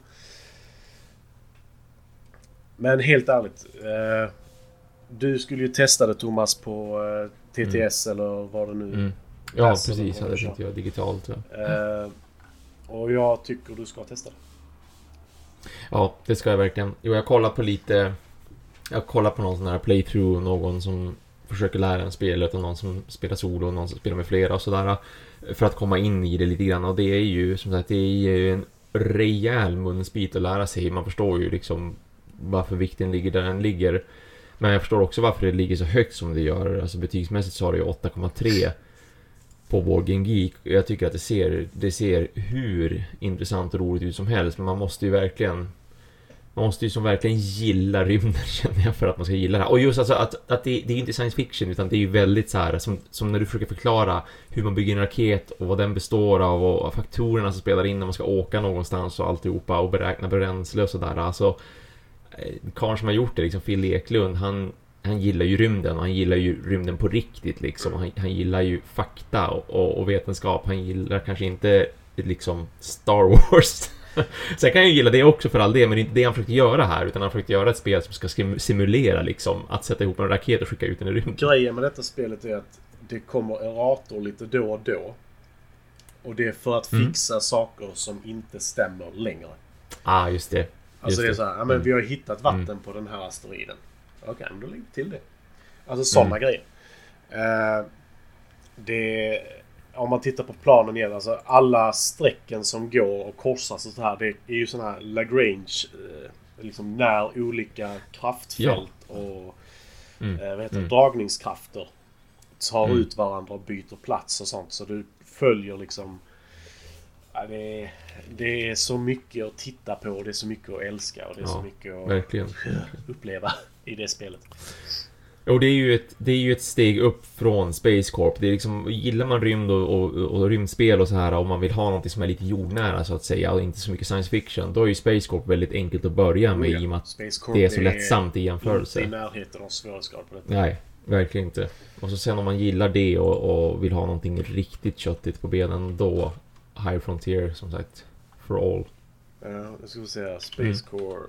Jag har glömt vad det ligger. Det ligger på 3 tror jag, eller 2,8 eller något sånt där. Jag tror att det är 3 rent då. Ja, nej för... Överraskande verkligen. Vad fan? Space... Man, man, när man tittar på Space Corp så här som förpackningen och man ser att det kommer från från just GMT så där, då tror man ju att det ska ligga mycket, mycket högre men, men det ligger bara inom citationstecken runt en trea och det är, det är förståeligt också när man väl har spelat det så förstår man varför för det är så himla straightforward. Ja, 2,97. Så de flesta, alltså det. 49,5% säger att det är medium. Och det, Ja. det kan jag hålla med om. Mm. Mm. Och, och det kan jag också rekommendera jävligt varmt kan jag säga, Space Corp. Det är... Mm. Oh, jag tyckte inte det var jättekul solo, men att spela mot, mot någon var riktigt kul. Ja, Jag ska mycket, det faktiskt köpa expansionen till och kolla hur det blir eh, Mm. när AI kanske spelar istället för att poppa upp på Saturnus. Eh, Mm. Det tyckte jag inte om. Eh, Ja, Mm. Men sen har jag även spelat Paladins, My City Såklart. och Lost Ruins of Arnica har jag testat. Men eh, Ja. My City fortsätter vara skitbra faktiskt. Ja, kul att höra. Just det. Eh, Vi har inte kommit jättelångt faktiskt, vi har haft lite uppehåll i det. Men det, det är fortfarande riktigt kul och det är fortfarande Mm. lägger till twists och tar bort och... Mm. Mm. Och Paladins, fan vad bra det är. Fan vad bra det är. Ja, det har jag inte hört någon säga innan. Nej, eller hur? Absolut inte. Nej, Speciellt inte Brisse. you heard it here first. Japp. Nej, jag hörde det från Brisse först kan jag Jag säga. köpte den Ja, jo. Definitivt. Ja. Eh, jag tänker vi hoppar till nyheter boys. Jag vill nämna ett spel till som jag spelat med Alexandra. Okej då. Mest, mest den anledningen, för hon, jag spelade med Alexandra och hon tyckte det var jätteroligt. Ja, Eh, kör. Jag, har- jag har spelat Micro Macro Crime City. Ja, eh, Som, det som ska kanske... du absolut få. Ja, ja. Det, för det, för det, det känner jag att det kanske säkert någon har hört talas om eller sådär och varit nyfiken på och, och det har blivit lite uppmärksammat. Eh, som jag har förstått det också. Eh, det är ju typ... Det är ju som ett Where's Waldo med massor av brottsfall i sig och för den som inte känner till Where's Waldo så är det ju att man, man stirrar på en bild som är full med tecknade små människor och någonstans bland alla människorna så befinner sig då personen Waldo med sina rödvita ikoniska kläder. Och det är precis så Micro Macro Crime City funkar också. Ah, Thomas. eh, ja. för, ja, nej du har helt rätt. Jag, jag tänkte på det. Har ni inte sett killen som går in och köper en Where's Waldo-bok? Går, går hem och eh, han är sjukt duktig på Photoshop så han skannar in boken och gör allting så här. Så tar han bort Waldo från alla sidor. Går tillbaks till butiken och säger du jag ångrar mig. Nej! Sen kan du tänka dig när de köper det, Åh. förlåt mig. Det bara slog mig bara. Det här, det här är det ultimata av ondska du kan göra. Åh. För vilka så- läser... Ja, för vem läser de böckerna? Antagligen barn som bara gör det.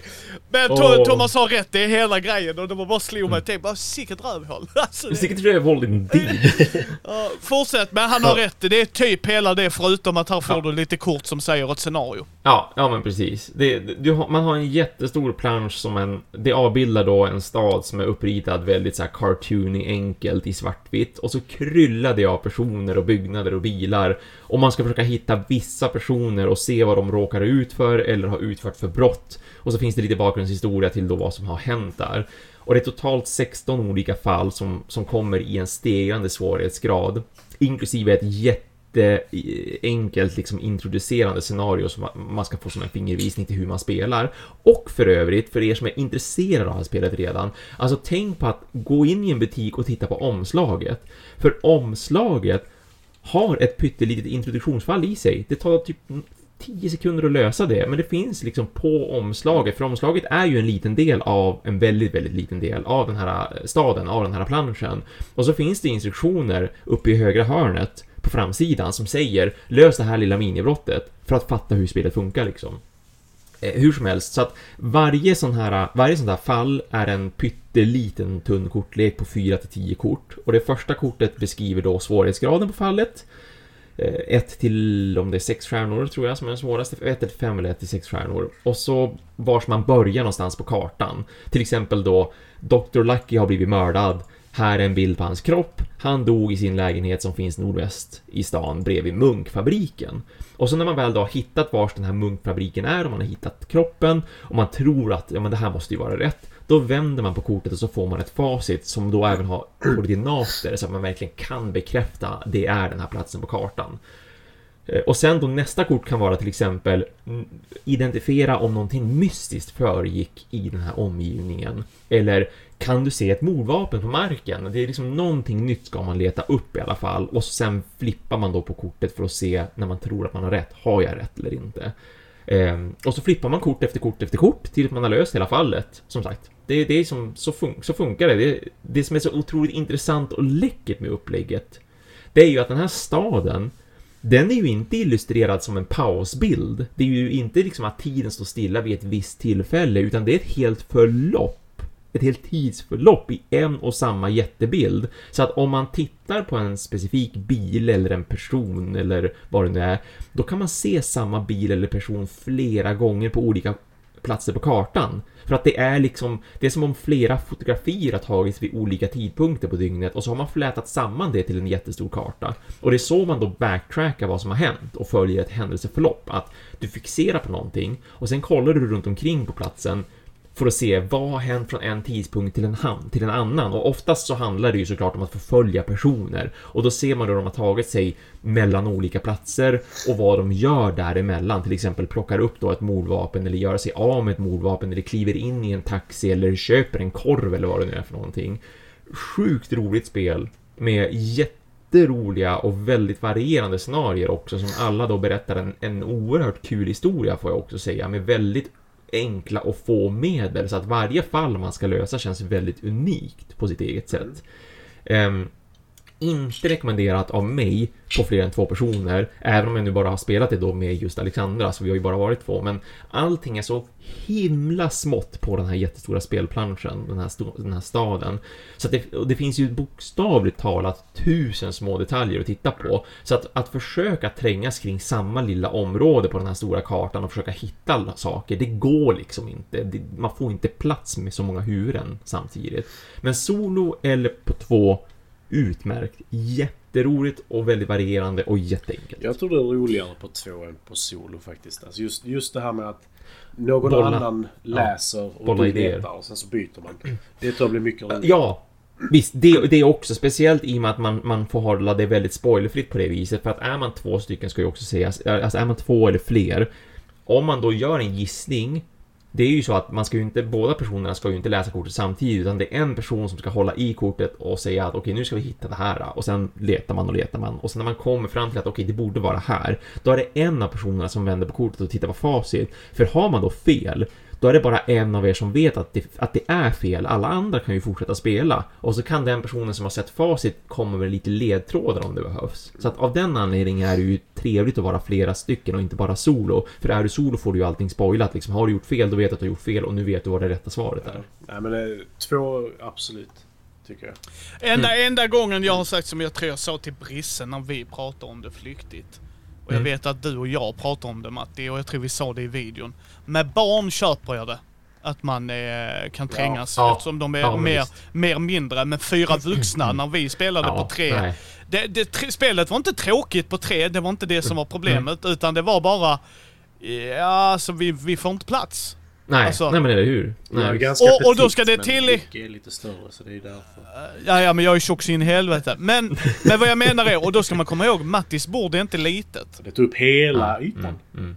Ja, Yes. all yta. Och, och, vi, och vi fick alla tekniskt sett plats. Ja, Alltså att mm. om, om man skulle sitta tre på den änden, och det har Mm. vi gjort när vi har spelat eh, Game of Thrones bland annat och sånt Matti. Alltså vi har ju alltså verkligen fått plats vid bordet. Men den kartan, du måste ju hänga så att jag håller med två spelare. Mm, mm. Eh, men vad tyckte, förlåt, vad tyckte Alexandra? Hon tyckte det var svinkul, alltså hon vart hookad direkt. Bara, bara jag visar just den här... äh, Jag börjar med att göra den här kul grejen att ah, titta på det här omslaget, så här ser spelet ut. Förresten, här har du någonting att lösa. Det är så spelet funkar. Och då tyckte hon bara, det här verkar ju svinkul. Så att vi körde ju... Jag tror vi körde tre stycken på raken första gången vi satte oss ner med det. Och sen körde vi fyra på raken andra gången som vi körde, så dagen därpå. Så vi har kommit mer än halvvägs då, eh, snart av den anledningen. Nej, vi har kommit, ja, jo, men typ, typ halvvägs har vi kommit och hon, hon trivs jättemycket med det. Hon tycker det är svinkul att titta efter Det är en detaljer. expansion på gång också så ni vet. Visst, Ja. och eh, också en kul grej som finns, det är att på deras hemsida så finns det fyra stycken jätte, jätte, jätte, jättekorta fall som de har lagt ut bara gratis. Okej. Att okej, här är en person, vad gör han? Här är två personer, vad gör de? Och man kan även signa upp sig på ett nyhetsbrev om man då vill ha information både om expansion men också att få information ifall när de lägger upp då nya sådana här minihistorier. Det är fräckt Ja. faktiskt. Vi kommer tävla ut eh, en Mikro Macro. Oh, nice. Så att eh, det, det kommer ni få en chans att vinna. Men det är i samband när vi släpper den videon. Och när det sker, det vet bara gudarna och Mickes värmebölja i redigeringsrummet kan jag säga. Mhm, mm. Prioritera det är ju tävling som ska ut. Ja men det ska prioriteras. Efter semestern får det bli dock. För det blir Semester. tajt nu. Ja. Det riger det Då ska kan. jag träffa Matti och faktiskt istället för att vi gör dubbla uppsättningar av det vi spelade in sist så ska vi prova att göra en av varje. Vad säger du Matti? Wow. Eh, vi fick spela in eh, tre videos två gånger. Ja, ja. Men det, det, det var för att ljudet inte funkar. Nej, det, det, nej, vi ska vara ärliga. Det är så Matti jobbar. Han är perfektionist va? Exakt, ja. Du Jag känner att det vart inte rätt. känd för det kan jag ju säga. Yes, Mm. oh ja, oh ja. Det är nästan analpetigt på dig ju. Så, eh, Så- eller så var det Formulera att... det Ma- Ma- aldrig så igen. jo, det kommer jag göra hur många gånger som helst. Analpetigt är inte några... Nej. Eh, och, och då eh, liksom ser man Matti där bara, jag tror inte min mikrofon har varit igång. Man bara, ja... Tur att vi inte är tre videos in. Aha. Tack Matti. Jag bjuder på den. Det var skitkul att sitta Ja. där den tiden igen. Ja. Eh, så jag kan ju säga det nästa gång vi ska träffas som blir i juli. Så ska vi göra den... Yes, dels det. Och sen eh, kommer vi då eh, göra backloggen på det vi har då. Mm. Så att vi får de grejerna filmat för det får vi nog fan prioritera då. Yeah. Mm, Ja. mm. Eh, nyheter boys. Jag har bara Yes. en. Tror, tror jag. Ja, jag har, jag har tre och det Ja, är tre. eh, två korta. Ja, jag tror de är tre. Allt tre korta. Ja, de är, de är extremt korta för min del. Eh, Mini-expansion till Small World of Warcraft som Matti äger. Han har det. Minsann, det kommer. Yes, och det. Ja, eh, det, varför skrattar du? Jag bara gillar att det finns Ja, där. nej, men Hos jag, dig. jag äger och äger. Jag fick det. Det var väldigt, Ja. väldigt, väldigt. Och, och det, ja, och vem äger det då? Om du nu har fått Det är faktiskt sant. Det är du fortfarande. Fick du fortfarande av dig så måste jag ju... Ja. Ja, det, det, det är inte så här ägandeskapet bara Fick du den här grejen? Då äger du inte Den är den. inte bara, din. Va? Det är ju hela definitionen. Ja. Skitsamma. Eh, men det är för två spelare. Eller solo om man, är du, om man gillar det. Åh, oh, det vill jag göra! Ja, Ja. vad sa du? Det är Wrench... Nej, Inte nej, nej, det ska mycket till. Ja. Eh, Revenge of the Murlocs. Ja! Där Ja. kom det! Jag sa det skulle komma! Uh, yes. Ja, jo, Eh, och, nu- och nu är de trötta och vill kriga. De vill pio-pioa med p-bågarna. Pio-pio, twang, twang. Som Micke säger när han skjuter. älskar, älskar i WoW-filmen. Att den enda scenen de har är när han rider och så ser de en sån där stå där i skuggan. Man bara ja, därför är er fotnot i den det. Nej. Fuck jävla murlocs när man spelar WoW alltså. Ja, jävla twats. Ja, nu springer jag, nu springer jag. Vad fan kommer ni då Jesus? Jesus? Ungefär. World of Warcraft. Yes. Eh, nästa är en DM-screen till DND. Uh, de har ju, jag har ju släppt en video på den som handlar om när du gör resor i skogen. Eh, nu försvann Thomas tror jag. Ja. Eller så ler han väldigt stilla. Eh, får vi se där, får vi skriva till Thomas. Hoho. Thomas. Nu är jag tillbaka.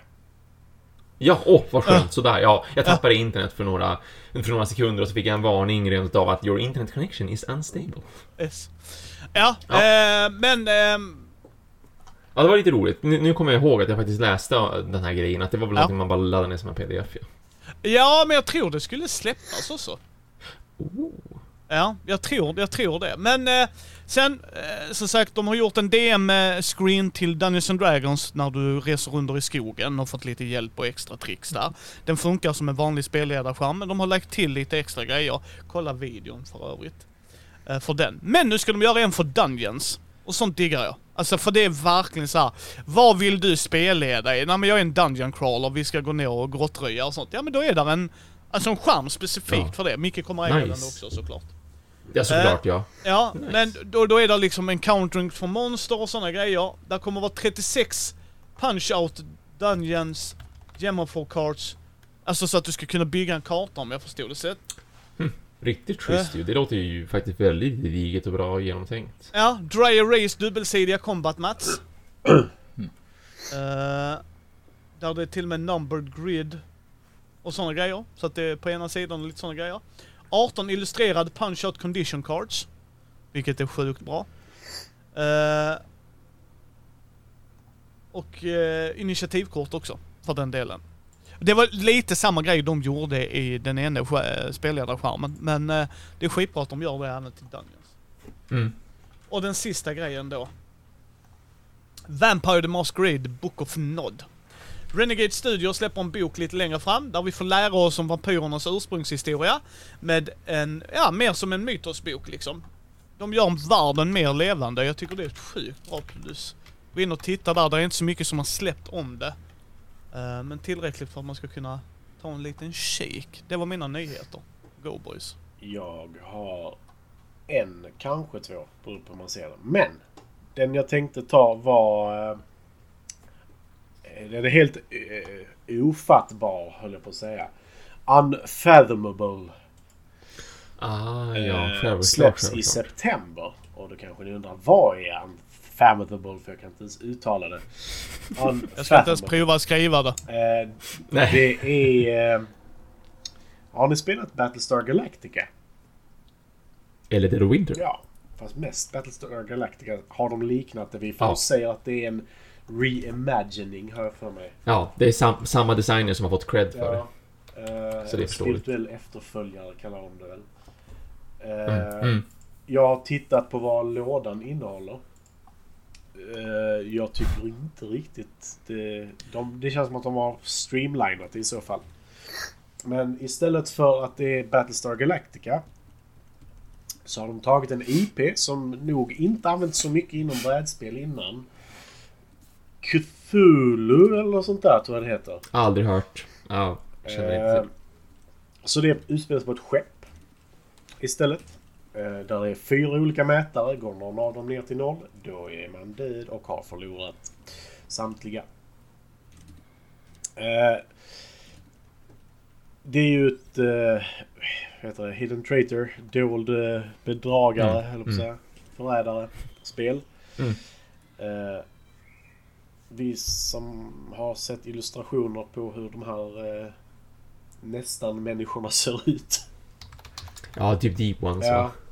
Lite sådana med i det. Eh, Mm. Alltså det, det, det finns ju inte jättemycket att säga om det förutom att det, det, det bygger ju på ett jättebra spel som vi för övrigt ska spela Mm. med Frykis. Någon gång. Ja. 31 juli exempel. till och med. Eh, När Frykis har fyllt 40. Yes. Eh, Det ska bli... ska vi köra det? Eh, jag visste inte om det var hemligt så därför jag inte formulerade så direkt.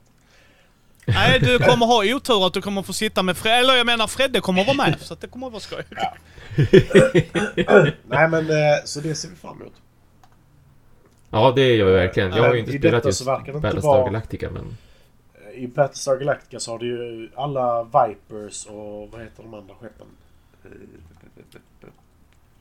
Jag kommer inte ihåg just nu för det var jättelänge sedan jag spelade. Jag har inte sett serien. Eh, men i alla fall, eh, de här skeppen, de finns ju inte med nu. Så det verkar inte utspela Mm. sig på mer än skeppet. Och i Battlestar Galactica så har du ju två skepp.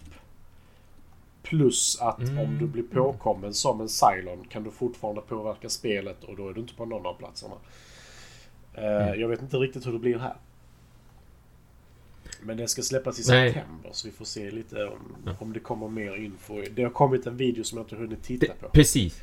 Precis, samma här. Jag har inte heller kollat på men det är ju nästan en en timme lång Q&A med, eh, med Fantasy Flight Games. Så att jag misstänker ju att typ i stort sett allting verkligen blir... Alltså det förtäljs där Ja. liksom. Eh, vad, vad, vad exakt har de förändrat, vad har de lagt till och så vidare. Så att jag ska absolut kolla på den för jag är väldigt intresserad. Och sen sitter ju Fantasy Games i chatten också och svarar på eh, på en massa frågor som de håller på som folk håller på att ställa där också så att jag tror att man kan få väldigt mycket just kött på benen. Ja, åtta Även om de nu inte går igenom de kanske inte vi, de visar ju som, de visar som inte gameplay utan de pratar ju bara om gameplay men fortfarande. Ja, men där verkar ju vara... Det är ju FFG. Så Ja. där är ju figurer med. Eh, så där kan vi lägga på 150 spänn. Eh, inget ont om FFG på det men det är lite så de funkar. Ja, jag tror att vad är det, typ 700? 600 700 har jag Jag för kan mig att det tänka mig att det hamnar någonstans där. Eh, lådan är jättestor. 70% tomrum. Ja, 700. Eh, Mm. För helt ärligt, det verkar inte vara så mycket mer. Alltså, en två sån. Figurerna gör inte mig jättemycket. Nej men he- helt ärligt. Ljug. När, när, när du spelar ett sånt här spel så bry- bryr jag inte mig om. Alltså bara, det där är en bedragare. Tro fan det, den är sex meter hög och har tentakler istället för tänder. Kom igen, jag fattar att det kanske inte är Åke. Eh, Ja, ja. Nej men som sagt, jag vet inte hur spelet funkar så jag ska inte säga för mycket men... Nej men det, det är väl att, alltså figurerna som jag fattat det, det är ju hotet utifrån som håller på att anfalla båten och att man måste tillsammans försöka avvärja de här D1 som är och håller på att typ äter på skrovet och anfaller men att då finns det ju de som bara låtsas hålla på och försöka motverka dem. Och jag, och jag, jag antar just därför att om man då blir påkommen så att säga och så här, ja, men man blir outad som att men du måste vara en deep one, då kanske man får kontrollen över dem då potentiellt av vad jag har hört från Peter som, som, som älskar just Battlestar Galactica-spelet och som påpekar att ja, men det finns ju yttre faktorer där också som man kan ta över. Ja, alla spelar Marty Feld, eller alla ser ut som Marty Feldman. Och kanske en till på Who knows?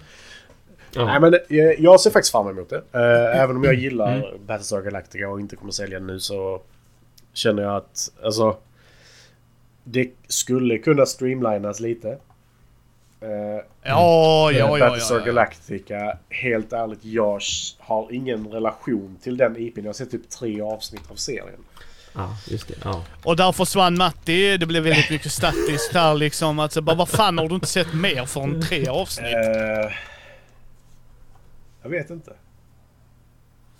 Micke ska vaska fram. Det är de få DVD-erna jag har sparat så ska du få låna Oh, dem så du kan se alla fyra säsongerna med Är Karin. det, ny, är Det det, är den- nya Battlestar Galactica eller är det filmerna eller är det gamla Battlestar Galactica? Brädspelet Battlestar Det Galactica. säga att Den har det de är tog från serien. Yes. Den enda rätta. Oh gjorde så. Men sen så kom det ytterligare Battlestar Galactica TV-serie sen på YouTube. Kör, kör, kör, kör, kör, kör, Det här har vi inte hört. Nästa nyhet. Yes, nästa nyhet. Eh, den enda andra var typ, som jag hade i alla fall, är att eh, det har släppts lite vilka utställare och så här som kommer till, eh, eller till Origins, Spiel och mm -hmm. eh, mhm. Gencon. Och Ja. där ibland kommer det expansioner till... Eh, vad tog det vägen nu? Suburbia. Bland annat. Påminner Eh, det kommer, Mm. alltså, bara av att titta vilka spel som kommer så här så eh, det ser väl hyfsat intressant ut faktiskt. Mm, Ja, mm. eh, De som har gjort Parks kommer med ett nytt som heter Trails eh, och lite sånt där. Eh, Så Mm. jag ska in och titta där sen för jag såg det precis innan jag gick in i samtalet här så det ska bli kul att se vilka grattis. Ja. Reckoners Mm. expansion. Ja. Bla bla bla. Men det var typ det jag hade.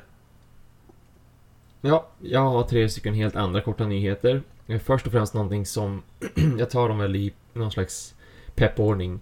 Um, uh, Überpepp jättehype för oss som har spelat Xia. Oh! Cody Miller är igång igen. Han ska göra ett... eh, vad jag såg så var det någon slags fantasy open world-spel som heter Arydia The Paths We Dare Tread. Ja, det kan Det ska, komma direkt. till, det ska komma till Kickstarter den 3 augusti. Så mycket har de liksom sagt. Jag, jag tror inte jag har sett så... Det finns massa bilder och sånt där. Det gör det också. En, en fråga, kommer detta vara Sia fast i fantasyvärld? på. Ja, det... Jag har inte sett så mycket info. För det finns inte så mycket info. Eh, De kommer ju dela informationen när väl Kickstarter-sidan går på riktigt live och sådär. Den, enda, den beskrivningen som finns nu, det är att det är en open... Att det är en öppen värld som man får utforska precis som man vill. Man upptäcker nya eh, platser, man interagerar med en massa karaktärer, man slåss mot en massa monster, man får ta på en massa skatter. Nej. Ja, alltså frågan Nej. är hur mycket av, av Xia det är och så vidare. Nej, alltså jag, jag, jag diggar det han har gjort med Sia. Mm. För jag tycker det var Mm. roligt att pilla med skeppen och det. Men Ja. jag är, alltså är där en, en genre jag verkligen blir nästintill avtänd på direkt. Så är det när någon slänger upp, kolla mitt fantasyspel. Yay! alltså jag menar, nej, nej. Det, det kan bli skitcoolt, men ofta som ja så kan du kötta monster, så kan du göra det här. Och så sitter vi och rullar tärningar i ett hörn och så blir det bara tråkigt igen. Jag är Ja. väldigt skeptisk till... Du har ju spelat uh, Mage Knight, Thomas.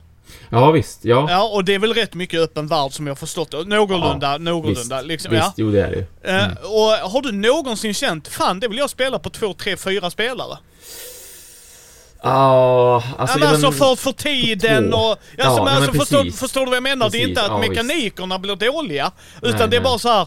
Ja nu sitter jag och väntar på Thomas ja, visst. i, i Det- 15 minuter för att det är Mm, så mm. lång tid grejer tar. Mm. Och det är då jag menar i SIA är det ju rappt liksom. Jag går här Oh och ja. utforskar detta, Oh jag ja. gör så och så och så. Ja, så att, ja. ja. ja, ja vi får se. Jag, jag ställer mig väldigt skeptisk till, och sen är det så här, åh fantasy igen, yay. Jo, jo, såklart, såklart. Men eh, skitsamma, det kan bli jättebra ändå nu. Ja, försiktigt nyfiken just därför att det är en, han som har gjort Xia och jag gillar, jag gillar fantasy såklart, det vet man ju. Och öppen värld liksom, så att det Jo, och, och, och, jag förstår det. Och säger han att det är från en till flera så vet jag att du Ja, kommer kunna köpa det Mm. och känna dig svinnöjd ändå Thomas. Så att för den ja, men visst, delen. Visst, Så det, det Ja. kommer jag inte ta ifrån dig överhuvudtaget. Och ni som är fantasy och inte gillar sci-fi så kanske detta är er grej. Mm. Men för Mm. mig var det verkligen så här när du sa det så oh är det han? Och så har han gjort en fantasy-grej. Ja, tack nej tack. Ja. ja, nej det vet jag, det är ju många, det är alltid en vattendelare det här med fantasy science fiction. Så, Eh, ja eh, det kan bli spännande i alla fall. En, en, en otroligt färsk liten grej som jag upptäckte bara just innan vi skulle börja spela in, det är ju att Railroad Inc. finns att köpa till mobiler och plattor. De har gjort en digital version som heter då Railroad Inc. Challenge. Eh, Och det är, det är ju ett roll and ride-spel för de som inte har koll på det här sedan tidigare, som dessutom jättenyligen blev översatt, så det finns ju på så norska, svenska, finska, danska också, så att man kan få tag på Ehm, så att det är ännu mer lättillgängligt, som om det inte var lättillgängligt nog redan. Jag har spelat lite Railroad Inc. Jag tycker det är supertrevligt och jätteroligt och intressant. Det är ju som ett litet minipusselspel där man ska...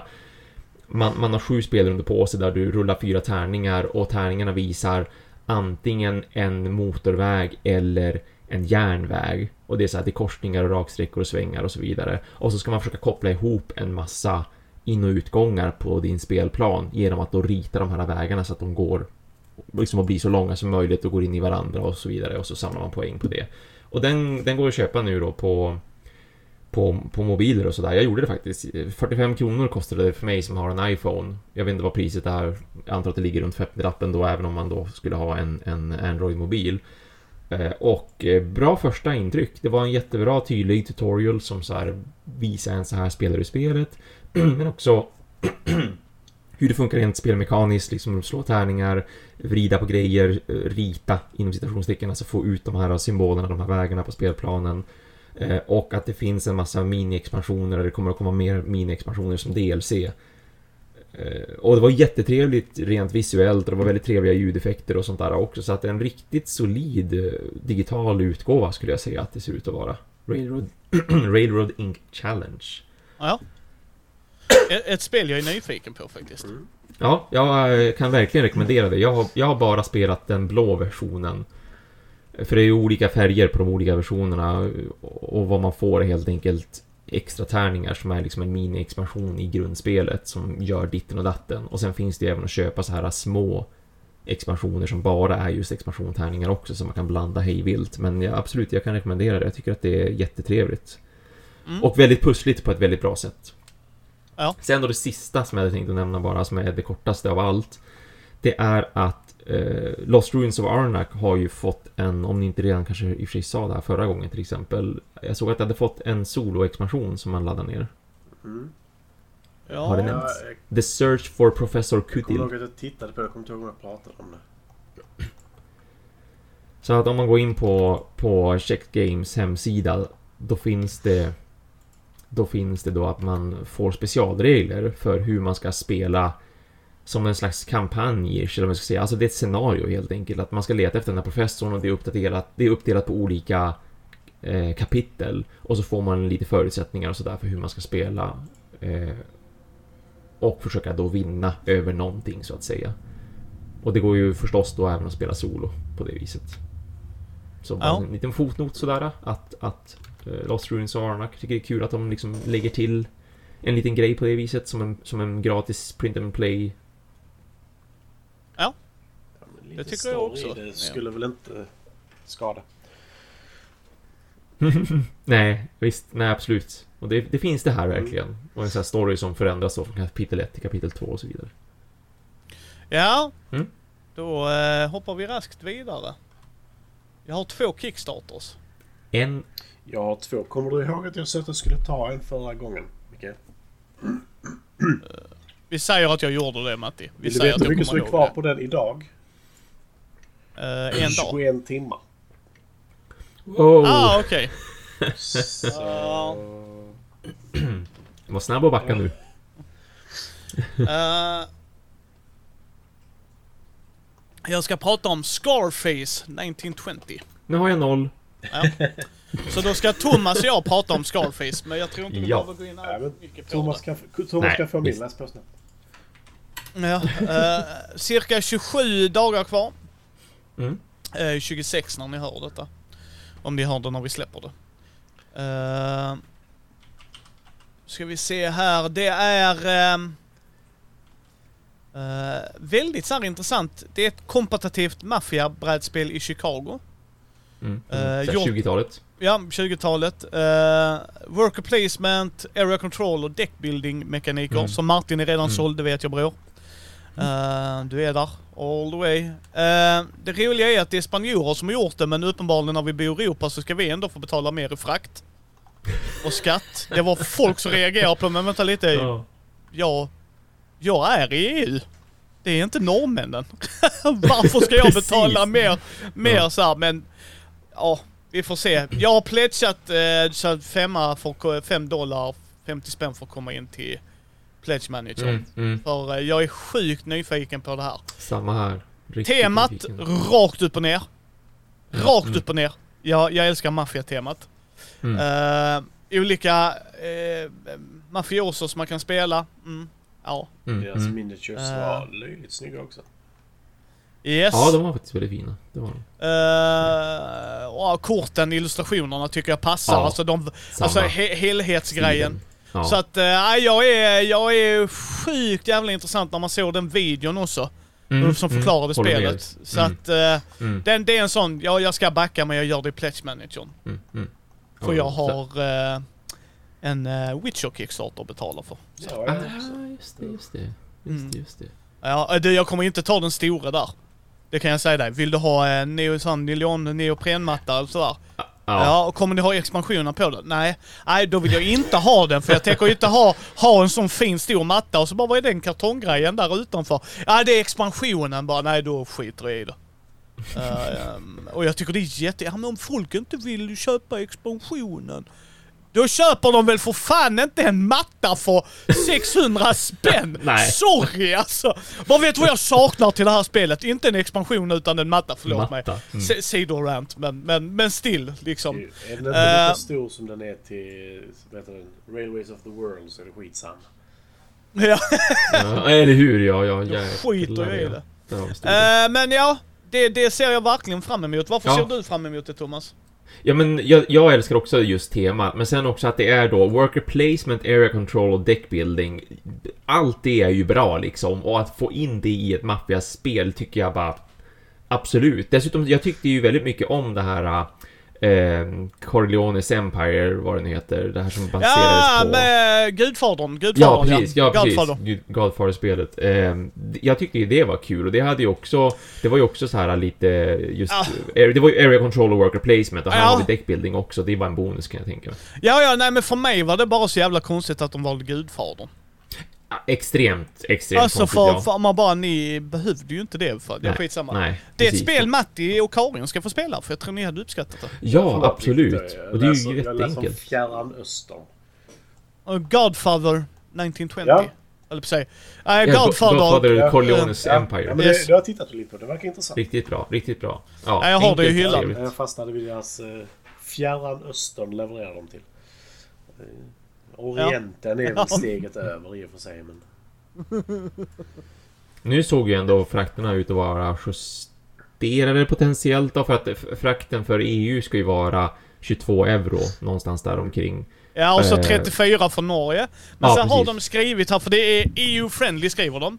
Ja, Nu är vi mm. där igen. Är det EU-friendly för att ni gör att jag betalar skatt? Nej, det är inte EU-friendly. Då är det bara att Ja, ni är så ja. smarta att jag betalar skatt. In compliance with every change taxes uh, around the globe, VAT and other bla bla bla. Eh, Ja, collected and clearly displayed och, That och att det inte är inkluderat. ja. It's not including in shipping sen. cost and Ja, will be ja. calculated and implemented based on your order amount and your country rate.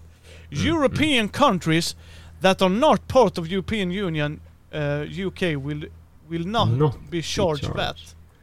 Det är den many countries Ja, okej, det fattar jag inte. Nej, det så var- det europeiska länder som inte är med i EU ska inte betala skatt. Bara, who in the what now?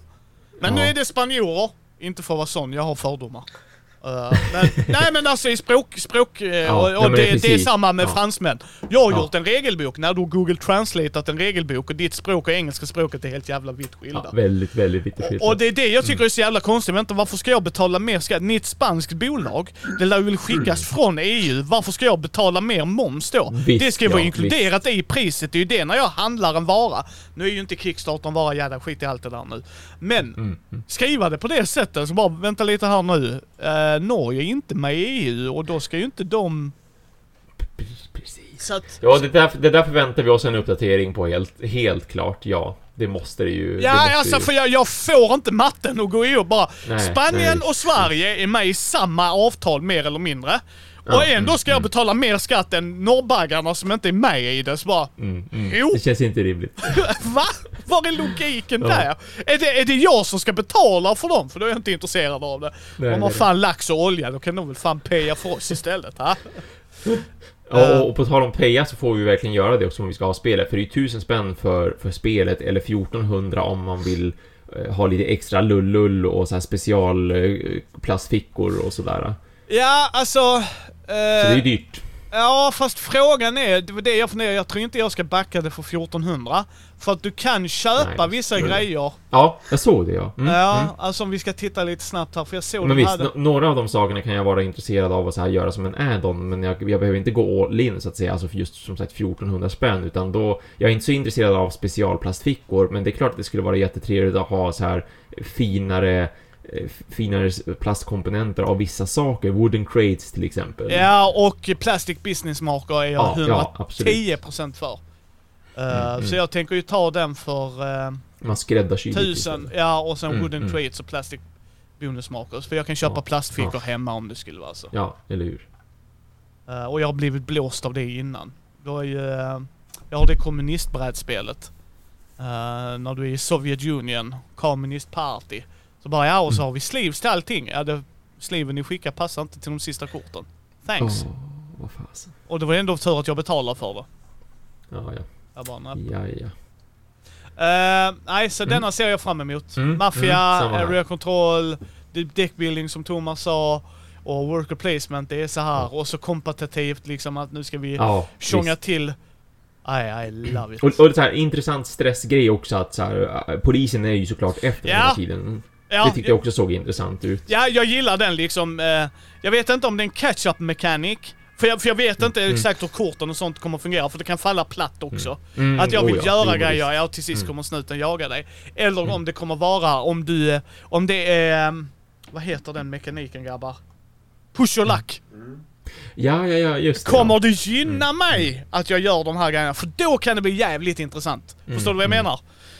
Att, att det är liksom, att det inte är nödvändigt att varje kort kommer göra att eh, den eh, hit-grejen kommer öka, utan mer Mm. om jag spelar de här korten kommer payoffen vara bättre än vad det är. Förstår du vad jag menar? För då är det ju ett spänningsmoment i det som jag gillar. Ja, samma här. Samma Ja. här. Så att den ser vi fram emot Thomas faktiskt. Sen så skriver de maj 2022, eller juni, säkert. Vi, vi får väl se, ja, som alltid. Ja. ja, ja, nej men just nu hur världen ligger till. Det, ja, ja, absolut. Det kommer så att- säkert att råka bli en försening fortfarande Ja. av den anledningen. Det är Mm. inte kul att få Men det var- eh, Kickstarters mitt under en flytt kan jag meddela om. Jag kommer få två stycken som kanske Oh. kommer under dagen jag flyttar. Ah, just det! Just det, Just det är det, problemet nej. man har. Ja. Ja. ja, men det- fördelen är ju att många av dem kommer ju på sms. Så det dröjer, det- då har du väl fördelen att Karin jobbar ju ändå Å där andra ni... sidan, eh, jag fick en som kom till dörren här. Eh, och då Ah, just dörren. Och Då var det så här, eh, det är ju skitkul att jag fick hem det här, men gör de det med nästa spel så blir han som du här jävligt glad kan jag säga. Vilka väntar Eh, nu väntar jag på Sorcerer-expansionerna och... Eh, vad heter det? Eh, Har de skickats då? Eh, Source-expansionen har faktiskt inte skickats än, säger de. Men de har fortfarande velat att jag skulle fylla i allting. Eh, Ja men du hör av dig till dem jag ska för göra fan. det. Men sen så annars är det... Vad heter det? Sluta! Nej. Alltså, varför är jag inte Eh, inloggad el- längre? I, I live to serve. I live to Zerg. Ja. Eh, vad heter det? Sluta. Ja, Han kan, kan hålla på där. Thomas, vi måste bara sätta oss ner och göra en lista tills när jag är i Fire. Tower Rising Flames. Ja, ja, ja visst, jo. Förlåt, vad sa du? Fire Tower Rising Flames och Expansion. No clue. Men jättebra. K- kul för dig. Eh, Och Salt. Vidare då på Kickstarter-listan. ja, eh, det var min ena Kickstarter och Thomas. Matti var... Ja, jag, jag hade ju bara Scarface. Ja. Jag har två stycken som jag har läst på lite om och sen så såg jag Fall of the Mountain King också nu. Ja, ja, men nu får du välja. Nu får du välja, Ja, men jag har skickat Castlescape till Thomas. Han kommer kanske inte läsa, hinna läsa den kanske. Det vet jag inte. Kör nu. Eh, Kör nu. Castlescape har 20 timmar kvar nu. Så när denna podcasten kommer ut så har han typ 4 Jösses. timmar kvar. Eh, så jag vet inte hur mycket jag ska säga om det men det är typ eh, Entry level plus kan man väl säga på svårighetsgrad av spel. Det är ett spel där du bygger en lek men också bygger eh, en borgmur eh, på spelplanen. Eh, och eh, det verkar vara väldigt, väldigt mysigt. Jag skickar det här till er. En gång till, för jag skickade innan.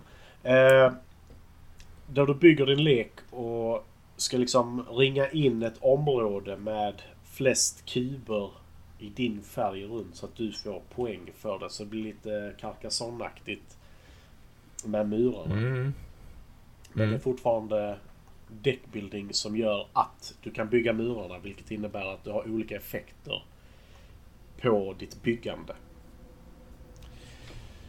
Och det verkar väldigt, väldigt intressant tyckte jag. Sen så är det kanske inte så pass superdjupt som det kanske skulle kunna vara. Men eh, man kan få lite infamy och corruption och såna här grejer vilket innebär att man kan väl göra saker som inte är så Oh. snälla mot de andra spelarna. Ja. Intressant. Mm. Eh, Mm. Jag tycker det verkar väldigt intressant. Eh, Just Mm. det här med att man kan eh, alltså stjäla någon annans byggande. Och ta, eh, ta cred för det. Mm. Ja. Eh, Sen har jag fjordar.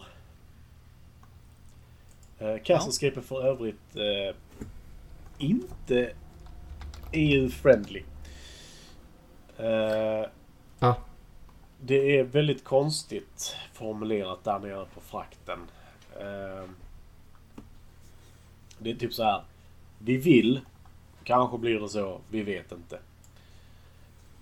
Eh, alltså det står verkligen Because of new tax laws in areas such as the EU, UK, taxes for each pledge will be added to each pledge in the pledge manager.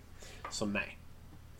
Det blir lite vatt och sånt som läggs på men de, de säger själva vi vet inte. Så troligtvis inte. Ja, ja. Mm. Mm. Nej, nej, men så är det ju. Så är det. Eh, och vill man ha detta spelet så kostar det 55 dollar. För stretch goalsen och allting. Och sen så 100 dollar eller mer. Så eh, får du det gånger fem. Ja, Ja, ja, men det är väl Ah, för okej. butiker skulle jag gissa på. Sen så kan man även ha det som, ja. Exposed to Corrupt eh, för 225. Det är slut nu men då kan du få en bild på dig själv på ett av korten. Och vara med i spelet. Mm. Kul, kul. Och I've Mm, got big mm. plans finns också och Corrupt the Masses. Och Bribed Officials. Så det finns några sådana här om du vill vara med i spelet. Eh, bryr jag mig inte så mycket om. Jag har ett radioansikte. Eh, men sen har jag fjordar. Det som är Det cancelled. blev det nu för det var inte det jag skulle prata om det nämligen. Nej, misstänkte det. Ja, Ska jag vi att... hoppa den då Det får vi kanske? nu göra för den kommer nog dyka upp igen. Men eh, Ja, den kommer ju det. Mm. för den var faktiskt kvar för en timme sedan. Det var då jag tittade på det senast. Ja, jag ser det. Att de, de postade ju det jun, den 17 juni och det är ju idag. Ja. Så att det, har- det har börjat komma Blev- in vänta, kommentarer blev- sen. Blev den fundad Nej, och sen det var en vecka det? kvar idag. Nej. Ah, okej, Ja. okej, okej. Eh, för, för 38 minuter sedan, 40 minuter sedan så skrevs den första kommentaren. Så det verkar vara liksom runt en timme sedan de tog det beslutet då och tycker att nej men vi, re- vi relaunchar det istället. Eh, Vi, vi kommer förmodligen inte att... Blitzbal höll jag på att säga där. Och så bara, ja, men vi skulle kanske inte lagt ut det under presidentvalet och nu är det under EM så det är väl det som är ursäkten. Eh, Ja, ja, värst, värst tycker jag det är när de tar bort det för att det blir ju inte så lyckat som vi ville. Nej, Nej, hur? ni har Ja. sålt det för underpris bara för att få bygga hype menar de. Ja, ja. ja, för, Mm, nej, mm. I och för sig, jag tror inte det. 790 spänn för spelet. Jag tror inte det är... Nej, nej, men vi tar det när Nej, i vi det här kommer. fallet är det ju inte så. Nej, nej, visst. nej, utan Nej, nej. jag bara menar det, där är ju vissa Kickstarter som har Ja, lagt ner. ja. Och så har de bara, varför har ni lagt ni, ni var ju fundade. Ja men vi, vi, vi, kände oss inte riktigt bra. Ja så ni hade lagt ett lägre pris för att bli fundade? Ja Precis, ja, då ja. förstår jag. Ja, Ja, ja. ja, men det, det såg intressant ut. Men då tar vi det när det kommer nästa gång Matti. Om det Mm, mm. Absolut. Det ser det ut att göra för att de vill Ja. ju det. Ja. Ja, det blev lite synd. För eh, Mm. detta tittade jag på. ja. Jag ska prata om ett rollspel boys. Va? Nej men se där. Ja jag vet, jag gör inte det tillräckligt mycket i den här podden. Matti försöker alltid göra det mer än mig. Så att, Ja, jag eh, tittade på mina rollspelsböcker idag. Alla tre. Ja, säkert fyra. Och det är fyra, fyra bra böcker så det ska jag inte ta ifrån Matti. Det är bara det att när man tittar på Mickes hylla, om man tittar på livesändningen så ser man att Micke har mer än fyra. Jag Ja. Vad är det jag ser där bak? Ja, ja. Ja, ja. Star Wars är där, Symbarum, du ser lite Call of Ja, Cthulhu är ser jag. I helvete heller, det är Family Edition höll jag. Nej, det är ju Big and Small. Se Creatures. Big and Small. Ja. Mm. Så det är ett spel jag och Matti ska göra till duell eller duett och sen så ska jag skicka den till Thomas om det inte visar sig vara bra. Mm. Mm. Ta mitt skit Thomas. Yes. Eh, nej, det jag ska prata om är ett rollspel som heter Defiant. An urban fantasy tabletop RPG about the mighty modern day aristocrats of fallen angels, demons, ancient gods and dragons. Uh, det är liksom ett urban fantasy-spel med about the mighty modern day supernaturals who rebelled against the destiny and instead of destroying the world decided to protect it. Uh, by enforcing demanding rules, set of rules, the defiant aristocrat empowers proactive seals around the city, making them only safe havens in the world ravaged by the apocalypse. Um, ja, om man vill ha lite schysst postapokalyptisk urban fantasy med spela drakar och demoner så ta en titt. Det är jävligt snyggt. Postapokalyptisk urban fantasy. Yes. En Ja. bra blandning. Ja. Och jag tror de tar apokalypsen lite annorlunda än de andra spelen. Det känns som det för om man tittar på alla extremt sminkade och vackra människor som är med i spelet så... ja. ja, det ser sjukt snyggt ut. Det gör det. Eh, men det var min. Ta en titta. Mm. Det är liksom, kan vara bra. Eh, kan bli, jag vet inte om det var EU-friendly, jag ska dubbelkolla. Jo, det skickas mellan 12 och 19 dollars. Och resten av världen 55. Ja, Alrighty. mm. Jag tror detta är ett polskt bolag Det också. var det. Ja. Så, eh, jo det är nog EU-friendly för oss åtminstone. Om inte de gör som spanjorerna. Nej, precis. Hitta på något eget. Men det var mina Kickstarter-nyheter, Thingamabob Doohickeys boys. Mm. Vi eh, hörs om två veckor igen tycker jag.